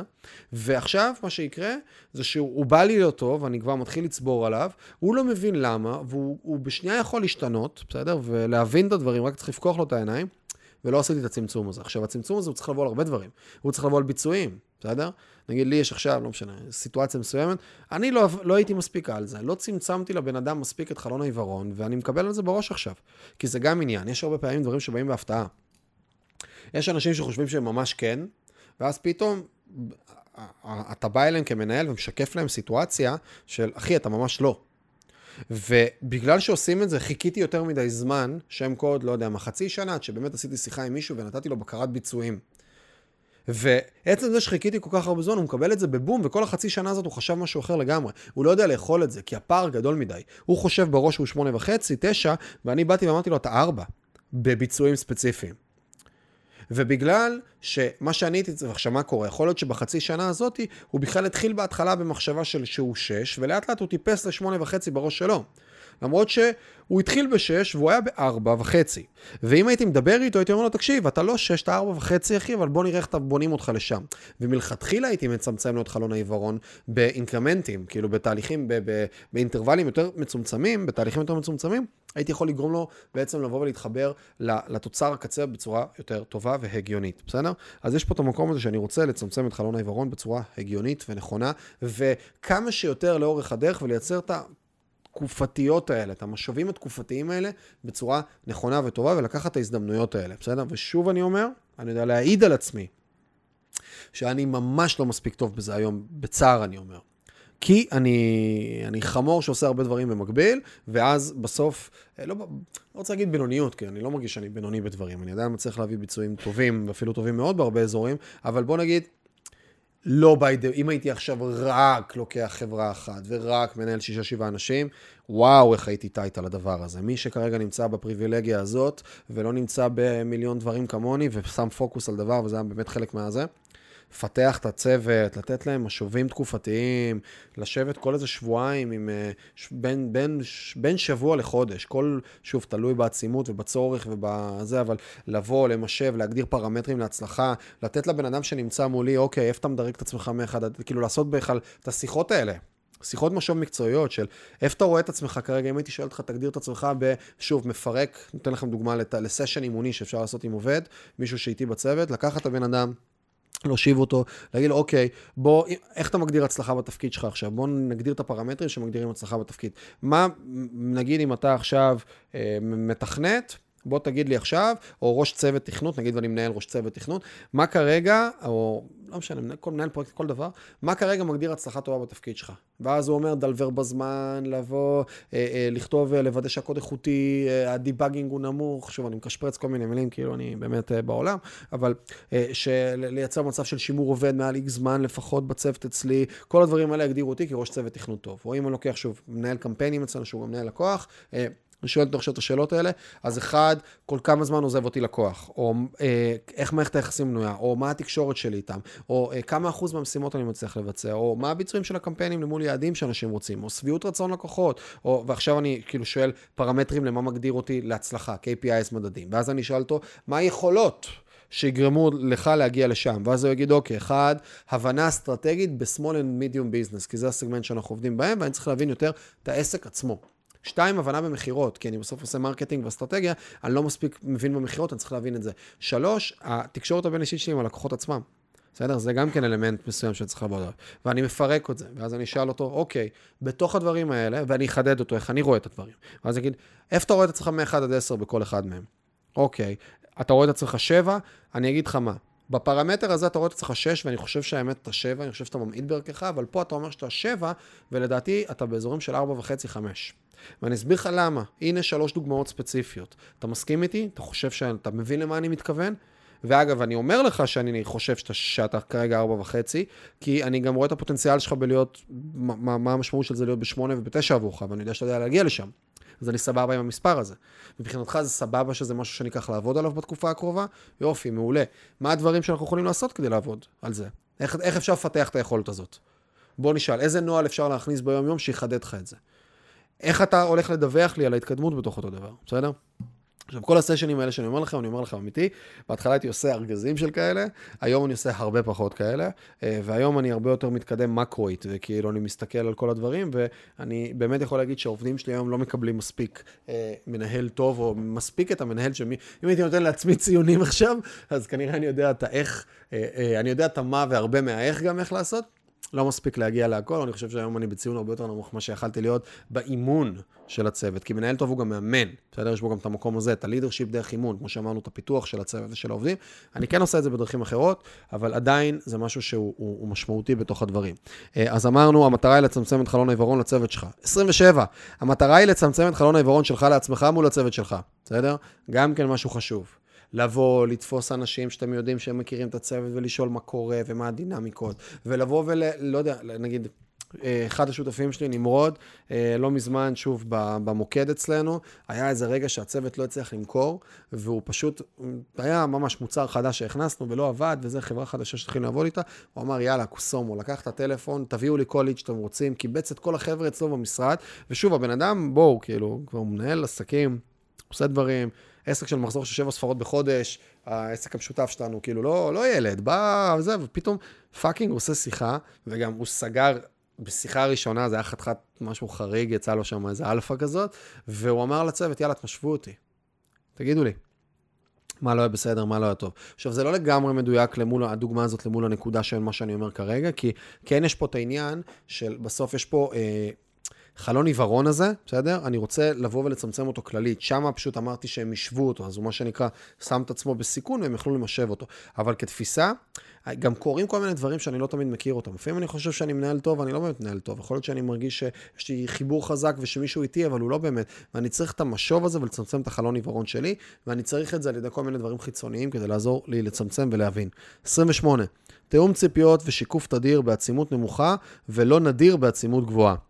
דיברנו על זה כבר קצת, עם האינקרמנטים של איך לצמצם את החלון ג'וארי, של זה אני רוצה לשקף לצוות שלי בתדירות גבוהה ובעצימות נמוכה. מה זה אומר? שהפער בין הפעם האחרונה שמישבתי לא יהיה דרמטי, כי אז זה בעצם בעצימות גבוהה. אז אני רוצה לא לעשות את זה נדיר, אלא תדיר. ושוב אמרתי, בשקיפות, אני לא מהשם, בטוח לא איפה שהייתי רוצה להיות. אה, לא לחכות לכפיים, 29. כמנהל ומנהיג, אני, וזה קשור לקרדיט, אל תחכו לכפיים מאף אחד, הם לא יגיעו, וזה גם לא מעניין, זה לא חלק מהעניין, אני לא צריך את זה מבחוץ. אני מבחינתי, במרכאות, יש לי את הצוות שהם יקבלו את הכפיים, בסדר? שהם יקבלו את הכפיים. זה הכי חשוב. כשאנחנו שולחים אה, מתנה אה, לחג למישהו או למשהו ספציפי, אז זה יהיה מהמלין, זה לא יהיה ממיכאל. כשאנחנו נותנים רגע, אה, אה, יש רגע איזושהי הצלחה מול לקוח, אז אנחנו נגיד כל הכבוד לזה, ולא משנה אפילו שיכול להיות שאני הגדרתי כרגע את מה צריך לעשות שם, אבל זאת הזווית וזאת ההסתכלות. 30, הפרשים לא בדרך. The cavalry is not coming. אין אף אחד שיבוא לעזור לכם, אתם שם מאחור, וזאת האמירה, אל תחכו לאף אחד שיבוא לעזור, קחו אחריות, זה קשור לאותו ownership. 31, תתכוננו לאכזב, זה חלק מהעניין, זה לא באג, זה פיצ'ר. תתכוננו להתאכזב, בסדר? תתכוננו להתאכזב מאנשים, אם אתם בוחרים לנהל אנשים, אם אתם בוחרים לקחת אחריות על אנשים, אם אתם בוחרים לבוא ולהוביל ולהנהיג אנשים, אה, אתם תתאכזבו ארגזים. כאילו, אנשים שחשבתם והשקעתם בהם ושמתם זמן, ואתם אומרים, בואנה פאקינג איי, איך הוא לא רואה? איך הוא לא רואה מה הוא יכול לקבל, מה הוא קיבל עד עכשיו, כמה השקעתי בו, כמה עשיתי בשבילו, כמה יהיה לו טוב פה. מלא פעמים זה יהיה לכם כל הדברים האלה, אתם צריכים להבין שזה חלק מהעניין. כמות הפעמים שהתאכזבתי, ואנשים הלכו לי, וזה, יאללה, בסדר, כאילו, אדישות כבר, אדישות. בסדר? וזה קורה לכולם, ועכשיו מישהו יכול להסתכל רגע עליי מהצד, ומי שכזה עמוק בתכנים שלי, ובטח הגיע את החלק הזה בהקלטה הזאת, אז הוא אומר, בואנה, כאילו, מה הוא וזה, בטח, מלא אנשים עוזבים אותי, מלא אנשים לא טוב להם, מלא אנשים, אגב, הרבה אנשים, וזה חלק גם כן מהעניין, באים, מקשיבים לתכנים שלי ומגיעים בסוף וחושבים, כאילו, אין הרבה פער בין, בין מה שאני מדבר, כי אני עושה תוכן ארוך, אני לא עושה ביסים. אין הרבה פער, אתם מכירים אותי לעומק, כאילו, דרך הדברים האלה ודרך התכנים. אבל עדיין, מישהו שמגיע, נגיד מהמקום של מיכאל, אני, אני רוצה לבוא לעבוד אצלך, הוא אפילו לא בא לתפקיד, הוא מצפה שאני אהיה שם בשבילו, שאני אעשה את כל הדברים שאמרתי שאני לא מספיק לעשות, בסדר? הוא, הוא מגיע מהמקום הרבה פעמים הלא נכון. בסדר? באותו, באותו הקשר. והרבה אנשים יכולים רגע להקשיב מהצד, ופתאום יש, כשאנחנו מקשיבים למישהו מדבר על דברים, וזה למה כל הזמן גם חשוב לי לבוא ולהציג לכם כמה אני עושה מלא שיט וטעויות ודברים לא מספיק טוב, כי כאילו, כי, כי זה המציאות, זו המציאות בסוף, בסדר? וזה לא מה שהמנטורים מראים בכל מיני מקומות, אלא המציאות היא הרבה יותר מורכבת והרבה יותר קשה. ואני אומר לכם, אני מתאכזב במרכאות, אני כבר לא מתאכזב כי זה לא כזה משפיע עליי, אבל אני מתאכזב בארגזים מאנשים. בארגזים אני מתאכזב מאנשים. כי זה חלק מהעניין, זה לא באג, זה פיצ'ר, זה חלק מהדרך, זה מה שקורה, וזה העניין. Uh, ה idol שלכם, זה אחד טוב, ה idol שלכם הוא לא סטיב ג'ובס, ולא גנדי, מהטמה גנדי, ולא מרטין לותר קינג, ולא צ'רצ'יל, ולא uh, אילון מאסק, ולא בזוס, ולא אף אחד. ה idol שלכם צריך להיות נחום תקום. בסדר? זה ה idol שלכם. זה מה שאתם צריכים לתת לו להוביל אתכם, לעשות את הדברים. העניין הוא לא הנפילה, אלא מרווח מהנפילה לקימה. ואני מדבר על נחום תקום כזה, שהוא מנופח חזק. מאלה שכשנותנים להם אגרוף, תוך שנייה הוא חוזר. כי בסוף, כמנהל, כמנהיג, אני צריך את הרזיליאנס הזה, את היכולת לקבל סתירות ולקום מהר. וזה לא העניין של להימנע מנפילה, כמה פעמים אני נופל, וזה הרבה פעמים גם לא כמה חזק אני נופל, למרות שכן יש עניין של כמה חזק, אבל לא ניכנס לזה. זה עניין של מהרגע שנפלתי, תוך כמה זמן אני קם. בין אם זה מישהו שעוזב אותי, בין אם זה עניין מול עובד, אתגר אה, ניהולי כזה או אחר, אה, בין אם זה עכשיו איזשהו אה, אתגר בעסק, או בתנועה, או בהובלה שאני עושה. והעניין של כמה מהר אני קם, זאת המשמעות גם כלפיי וגם כלפי הצוות לראות את זה. בסדר? כי זה חוזר לאותו מנהיג שמוביל למקום של יציבות וביטחון. 33, פרגון בפומבי, משוב בפרטי, בסדר? כשאני ממשב מישהו או מבקר מישהו, או נותן למישהו רגע, מצמצם לו את הג'וארי, אני לא עושה את זה בפומבי. אני אגיד לו, בוא רגע, אני אושיב אותו, אני אדבר איתו, זה יהיה בדלת סגורה, זה יהיה בביטחון, זה בינך לביני, אתה פגוע, אתה, סליחה, אתה חשוף, אתה עשוי להיות פגוע, אני מדבר איתך בפרטי. אני לא אביך מישהו, אני לא אמשב מישהו, אני לא אתן מישהו, אני לא אתן למישהו בראש. בסדר, קצת סטלבט קיים, כן? לא יכול להגיד שלא. אבל אני יכול קצת להסתלבט על מישהו. יש לנו נגיד מישהו חדש שכל היום עושה אקסלים. כל היום עושה אקסלים, על דברים שלא צריך לעשות עליהם אקסלים. כאילו, אחי, תתקדם, תעשה את המשימה, תתקדם. אתה לא צריך עכשיו, אה, אתה הולך לזרוק נייר לפח, אתה לא עושה ארבע דפאות, אה, כמה צעדים, מה המרחק הממוצע שצריך לעשות כדי לזרוק את הנייר לפח. לך קום, זרוק את הנייר לפח. אז אני מדי פעם מסתלבט עליו, כאילו, בכל מיני קטנות ובדברים. אבל אם אני עכשיו נגיד, הייתי מרגיש שזה באמת בעיה לצורך העניין, צריך להושיב אותו כרגע ולדבר איתו על זה. אה, אגב, נצמצם לו שם ג'וארי, אבל יש גם כל מיני דברים שיקרו, לא משנה בדרך, אז הייתי מושיב אותו, הייתי מדבר איתו, נותן לו דוגמאות, הייתי מסביר לו את זה, הייתי עושה את זה בחדר סגור, הייתי אומר לו, אני יכול להגיד לך רגע משהו, שקף לך משהו, הייתי עושה יחסי ציבור למסר ועוד הרבה דברים נוספים. לא ניכנס לזה יותר מדי, אבל בגדול, אני רוצה לבוא זה. אבל קרדיט, תשואות, לתת כפיים למישהו, בפומבי. נגיד, לנו יש ישיבה ששבוע קורית, שבוע לא קורית, שוב, פעם אני הייתי הרבה יותר טייט, אני אומר את זה הכי רסמי, אבל יש לנו עוגנים, וזה גם כן איזשהו בולט שהוא קדימה. זה קטע, זה 34. 34 אה, זה צור עוגנים קבועים. אה, אז יש לנו ישיבת רטרו ביום חמישי בשעה חמש וחצי. יושבים כולם אצלי במשרד, אה, שוב, באחת החברות, בחברות אחרות זה כל מיני דברים אחרים. יושבים ועושים עכשיו ישיבה של עוברים אחד-אחד, מה עבד לך השבוע, מה לא עבד לך השבוע, מה אתה חושב שצריך לשפר, לשנות, לעשות, ועם איזה תחושה אתה מסיים את השבוע. אחד-אחד עוברים בתוך הישיבה. אז כשעושים את זה סדר גודל של בין 7 ל-12 אנשים, תלוי בהגעות וכולי, אה, אז אתה מגיע למצב שאתה גם מקבל הרבה מידע, וגם הרבה דברים שהם אה, ככה פתוחים בתוך אותה סיטואציה. אז זה נגיד אחלה של פלטפורמה, לבוא ולתת כפיים למישהו, להגיד כל הכבוד, ראיתי אותך על הזה, באמת, אני רוצה לבוא ולהגיד ככה וככה וככה. אלה האלמנטים שמחזקים ובונים ויוצרים טראסט וגורמים רגע ל... אז את הפרגון בפומבי, את המשוב, דיוק, חידות, צמצום חלון העיוורון בג'וארי, אני רוצה לעשות בפרייבט במקום זה. ולגבי העוגנים, ישיבת צוות קבועה, בסדר? אחת לשבוע.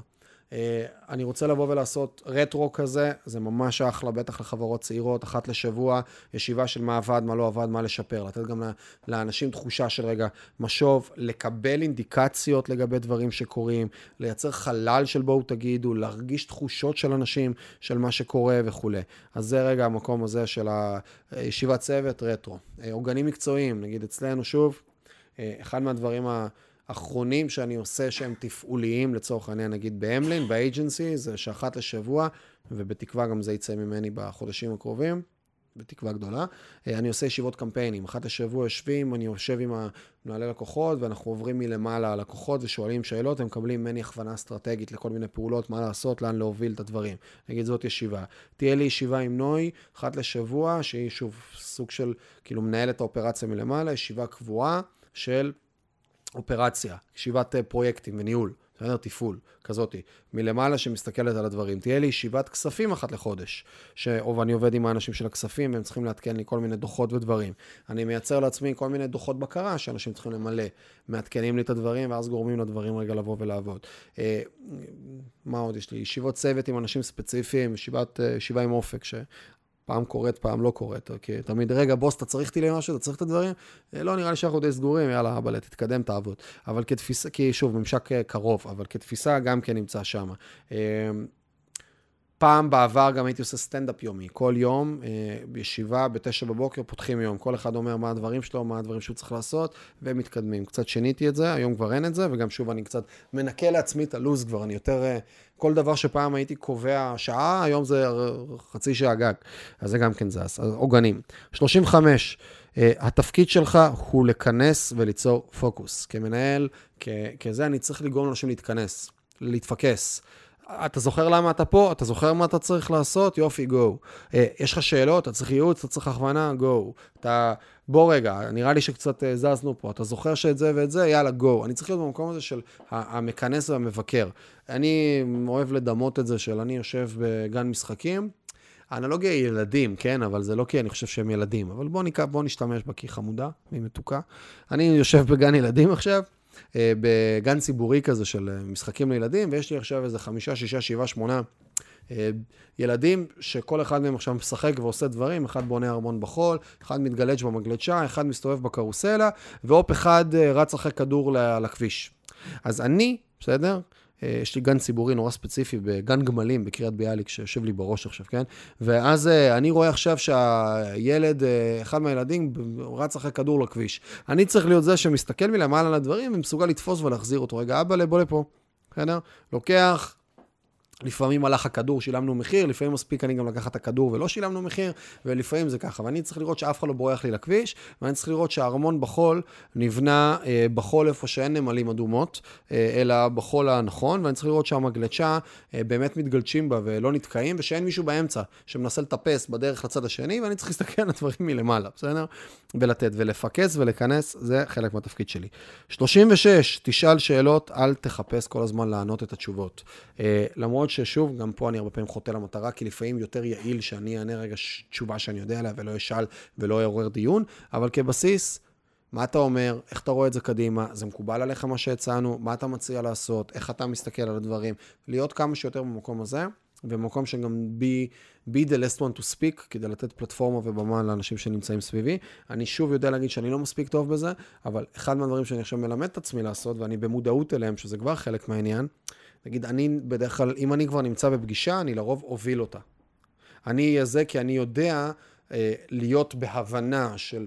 אה, להיות מספיק אמפתי ולראות ולהבין רגע את הקונטקסט של כל הנוכחים בחדר, שזה יכול להיות עכשיו, נגיד, חברה שאנחנו עובדים איתה, זה יכול להיות שיתוף פעולה שאנחנו עושים, זה יכול להיות שת"פ שאנחנו עושים. אני לרוב יודע לבוא ולהבין את הצד השני, להבין מה עומד מאחוריו, בסדר? ואת ההתנגדויות, החששות, האתגרים, הכעסים, הדברים שהוא רוצה להגיד. ואני כבר מראש בדרך כלל אתן איזה פיץ' פתיחה כזה, שימגר ויבטל הרבה דברים כבר, הרבה דינמיקה רעה. אני אתווה את ה-DNA של הפגישה. והיום אני נמצא בסיטואציה שלפני שאני עושה את זה, אני שואל את עצמי, רגע, כמה חשוב שאני אעשה את זה כרגע? אולי עדיף לתת דווקא למישהו אחר אצלי להוביל את זה, כי אני רוצה לראות כמה ש... להיות, להפוך להיות כמה שיותר פסיבי, כדי שלאט לאט אני כבר בכלל לא אצטרך להיות במקומות האלה ולתת לדברים האלה חיות משל עצמם. האם זה יפגע בטווח הקצר? כן, אבל בטווח הארוך זה יעזור לי לייצר את הליגציה ולצאת לאט לאט מהדברים. כמו שהיום כמעט ושום דבר ממה שעולה לאוויר בהמלין, אה, אני לא מאשר. דברים שקורים בבמבו, אני לא מאשר. דברים שקרו בווטסון, אני בכלל לא נוגע ולא נגעתי. דברים שכאילו, אני, אני כאילו לא עובר כבר על תוצרים, אני יוצא מה product. אני עובר כמה שיותר למקומות שהם לא ייצור, אלא מקומות שהם יותר, תן לי להביא את ה business הזה, שאנחנו נדע לייצר איתו חצי מיליון שקל בחודש. תן לי להביא את, ה, את המודל העסקי הזה, לפצח איזה משהו, לבנות, כאילו, תן, תן לי ללכת למקום הזה, כמה שיותר רחב. תן לי fucking להקליט פודקאסט של שעתיים ב fucking תשע בערב. 37, אה, תשתדל להיות ההארד uh, וורקר הכי משמעותי במשרד. שוב, זו המלצה, לא כולם צריכים את זה, אני חושב שיש הרבה... Uh, לא חייב את זה, אפשר להנהיג ולהוביל גם בלי הדבר הזה, אבל יש משהו בזה ש... שאנשים יודעים שאתה, שאתה שם, שאתה שם, שאתה נותן מעצמך, שאתה נותן את האקסטרה, שהם בסוף עוזרים לך להגשים, שוב, אני מדבר רגע עסקית, אבל זה לא, אבל זה לא רק עסקית, זה גם בדברים אחרים. אנשים עוזרים לך להגשים את החלומות שלך באיזשהו מקום. הם איתך על הספינה הזאת. ואם הם מרגישים שאתה לא מספיק hard worker, אז יאללה אחי, הוא לא אכפת לו מספיק, הוא לא נותן את הלב ואת הנשמה שלו, אז אני שמה, כאילו, יש בזה משהו. לא חייב את זה, לא חייב את זה, וזה גם מושך אנשים מסוימים, בסדר? לא כולם זה. יכול להיות דווקא, יהיה אנשים שיגידו, בואנה איזה יופי, הוא יודע לעבוד שלושה ימים בשבוע ואיזה כיף לו, אני אלמד ממנו. אני ב-DNA הבסיסי שלי, עוד כנראה משהו לא התנתק מאותו ילד שכועס על החבר'ה שאצלו שהולכים מוקדם, אה, אבל אני עדיין שם על זה איזשהו סימן שאלה. 38, אה, תהיה אמפתי, אמפתי, אמפתי, דיברנו על זה הרבה, אני לא אכנס יותר מדי, אבל בגדול, בסוף זה הכל אנשים, אני רוצה להסתכל עליהם, אני רוצה ללמוד אותם, אני רוצה להבין מה הם חווים, מה הם מרגישים, מה עומד מאחורי מה שהם עושים. אני רוצה כל הזמן לשאול למה הוא אמר את מה שהוא אמר, או למה הוא עשה את מה שהוא עשה. אני כל הזמן רוצה להיות במקום הזה של אמפתיה, בסדר? להיכנס לנעליו של האחר. אני לא יוצא מנעלי שלי, אני נשאר באותו מקום, אני עושה את הדברים, ואני רוצה להיות באמפתיה הזאת. אל תניח הנחות. 39, אה, זה כלל גם מה, אה, מהספר, אה, מאחד הספרים, אוי, ברח לי השם שלו. ארבע הסכמות, עשיתי עליו אפילו סרטון, הנה יש לכם עוד המלצה, חמש דקות של התפתחות, עשיתי סיכום של הספר של, של הארבע הסכמות. אל תניחו הנחות, הרבה פעמים אנחנו חושבים כל מיני דברים. אני קצת, יש לי בעיה עם הדבר הזה, עם המשפט הזה, אני אגיד לכם את האמת, אני אומר אותו ואני מסייג אותו כי... מה זה לא להניח הנחות? אני כל היום מניח הנחות. אם לא הייתי מניח הנחות, הייתי לא יעיל בעליל, הייתי מבזבז ארגזים של זמן, בסדר? אם עכשיו כל אה, הצעה עסקית אה, שמישהו היה מציע לי, הייתי אומר לו, כן אחי, יאללה בוא נעשה את זה, בסדר? עכשיו, הייתי אומר לו, כן אחי, בוא נעשה את זה, כי אני לא מניח הנחות, אולי הוא תותח על, ואולי הרעיון הזה באמת יכול להצליח, מה אני מבין? אבל אה, אולי באמת, אה, לא יודע מה, למכור אה, אגסים, אגסים שמציירים עליהם לב ב-400 שקל, זה רעיון טוב, כי אנשים נורא רוצים אגסים שמציירים עליהם לב ב-400 שקל, אבל הסבירות שלי, הנחת יסוד שלי, שזה לא יעבוד, מכל מיני טעמים, סיבות ודברים. אז קצת קשה לי עם זה, אבל כן, בוא נגיד, לתפוס את הדברים שהם כן בגזרה לוגית, ולא להניח הנחות, וזה טיפה יותר קשה. אז כן, בוא נגיד אני מסייק את הסעיף הזה, אבל כן כגישה, לנסות להניח פחות הנחות ולהיות יותר פתוח. זה קשור לפתיחות הזאת מסביב. והדבר האחרון והארבעים, ובזה אנחנו נסיים ונעבור לשירת התקווה, אה, אל תיקח דברים ברצינות מדי. זה חשוב. אל תיקח דברים ברצינות מדי. אל תיקח דברים ברצינות מדי. אה, אנחנו הרבה פעמים, ושוב, אני מכיר את זה על עצמי, בהתחלה זה היה נראה לי, שילמתי על זה בזוגיות שהייתה לי באותה תקופה, אה, וכאילו הייתה באמת זוגיות עם פוטנציאל ללכת, ובדיוק זה מצחיק, קטע. אה, ראיתי, עכשיו פתחתי איזה מחברת ישנה שעשיתי שם כזה מטרות לכל מיני דברים, שהייתי חמוד ועושה מטרות, לפני איזה כמה שנים. אחד הדברים שכתבתי מטרה להציע נישואין לענבר, שאז הייתה הבת זוג שלי, ואיבדתי את זה, בסדר? זה נשבר בדרך. זה נשבר בדרך, יכול להיות שהיום הייתי, הייתי, הייתי לוקח דברים, אני לא חושב שזה לא נכון, אני חושב שהכל בסדר וזה בא למקום נכון, אבל הייתי, הייתי שמה, ואני, בגלל שלקחתי ברצינות תאומית גדולה מדי את הניהול ואת המנהיגות שלי ואת הדברים שאני רוצה לעשות ואת ההקמות שלי, אז איבדתי את זה. כי, ולא הבנתי רגע שוואלה, לא הכל כזה רציני. ותמיד אני לא אסיים את כל המשימות, ותמיד יהיה עוד דברים לעשות, וזה אף פעם לא יסתיים, וזה מה שנקרא never ending story, ותמיד יהיה את הדבר הבא, והדבר הבא, והדבר הבא, ובסוף החיים, וזו האנלוגיה היפה שנתן לי דניאל קרן, שהיה אצלי בפודקאסט, פודקאסט עוד reference, תראו מה זה, שטיפס על האברסט ועשה מיליון ואחד דברים, סופ, איש סופר מעניין, אה, מסעות דניאל, שהוא מוציא מסעות לכל מיני מקומות, ואני בדוק אסע איתו מתישהו לקלימנג'ארו, אה, אז ב... הוא אמר, החיים, הוא נתן אנלוגיה יפה שהחיים זה לא שביל, זה לא איזה יעד עם end goal, זה פרדס. אתה נכנס ואתה מתהלך בכל מיני מקומות. אז הדבר הזה, אל תיקחו שום דבר ברצינות תהומית מדי. עובד שהתפטר, יאללה, כיף חלק, תסתדר, הייתי פה לפניך, אני אהיה גם אחריך. אל תיקחו ברצינות תהומית מדי את הביזנס שלכם, את העשייה שלכם, את הדברים. רוב הדברים בחיים הם לא חיים ומוות, ויכולים לחכות גם למחר. ואם אנחנו באים עם הגישה הזאת שלא לקחת דברים יותר מדי ברצינות, ומבינים בסוף שזה משחק, it's a game, אז אנחנו מבינים גם שלפעמים מפסידים, ולפעמים מנצחים, ובסוף, הכי חשוב שיהיה כיף. זהו, אה, לשירת התקווה. קהל מתבקש לעמוד, אה, או ללכת למיליון רפרנסים אחרים. אם בלעתם את זה ב session אחד, כיף. אם לא, אה, אז גם סבבה. ואם הצלחתם להגיע עד לכאן, כי זה fucking דרך, אה, אז תכתבו לנו ביוטיוב, גם אם אתם בספוטיפיי או משהו, ששרדתי איתכם את ה-40 בולטים האלה, זה לא אירוע טריוויאלי, כנסו ליוטיוב, תכתבו איזה צפרדע כחולה או משהו כזה בתגובות, שנדע שהגעתם עד לכאן, וזהו. מאחל לכם הרבה אהבה, שמחה ושלווה בארמונותיכם. נתראה בתכנים הבאים.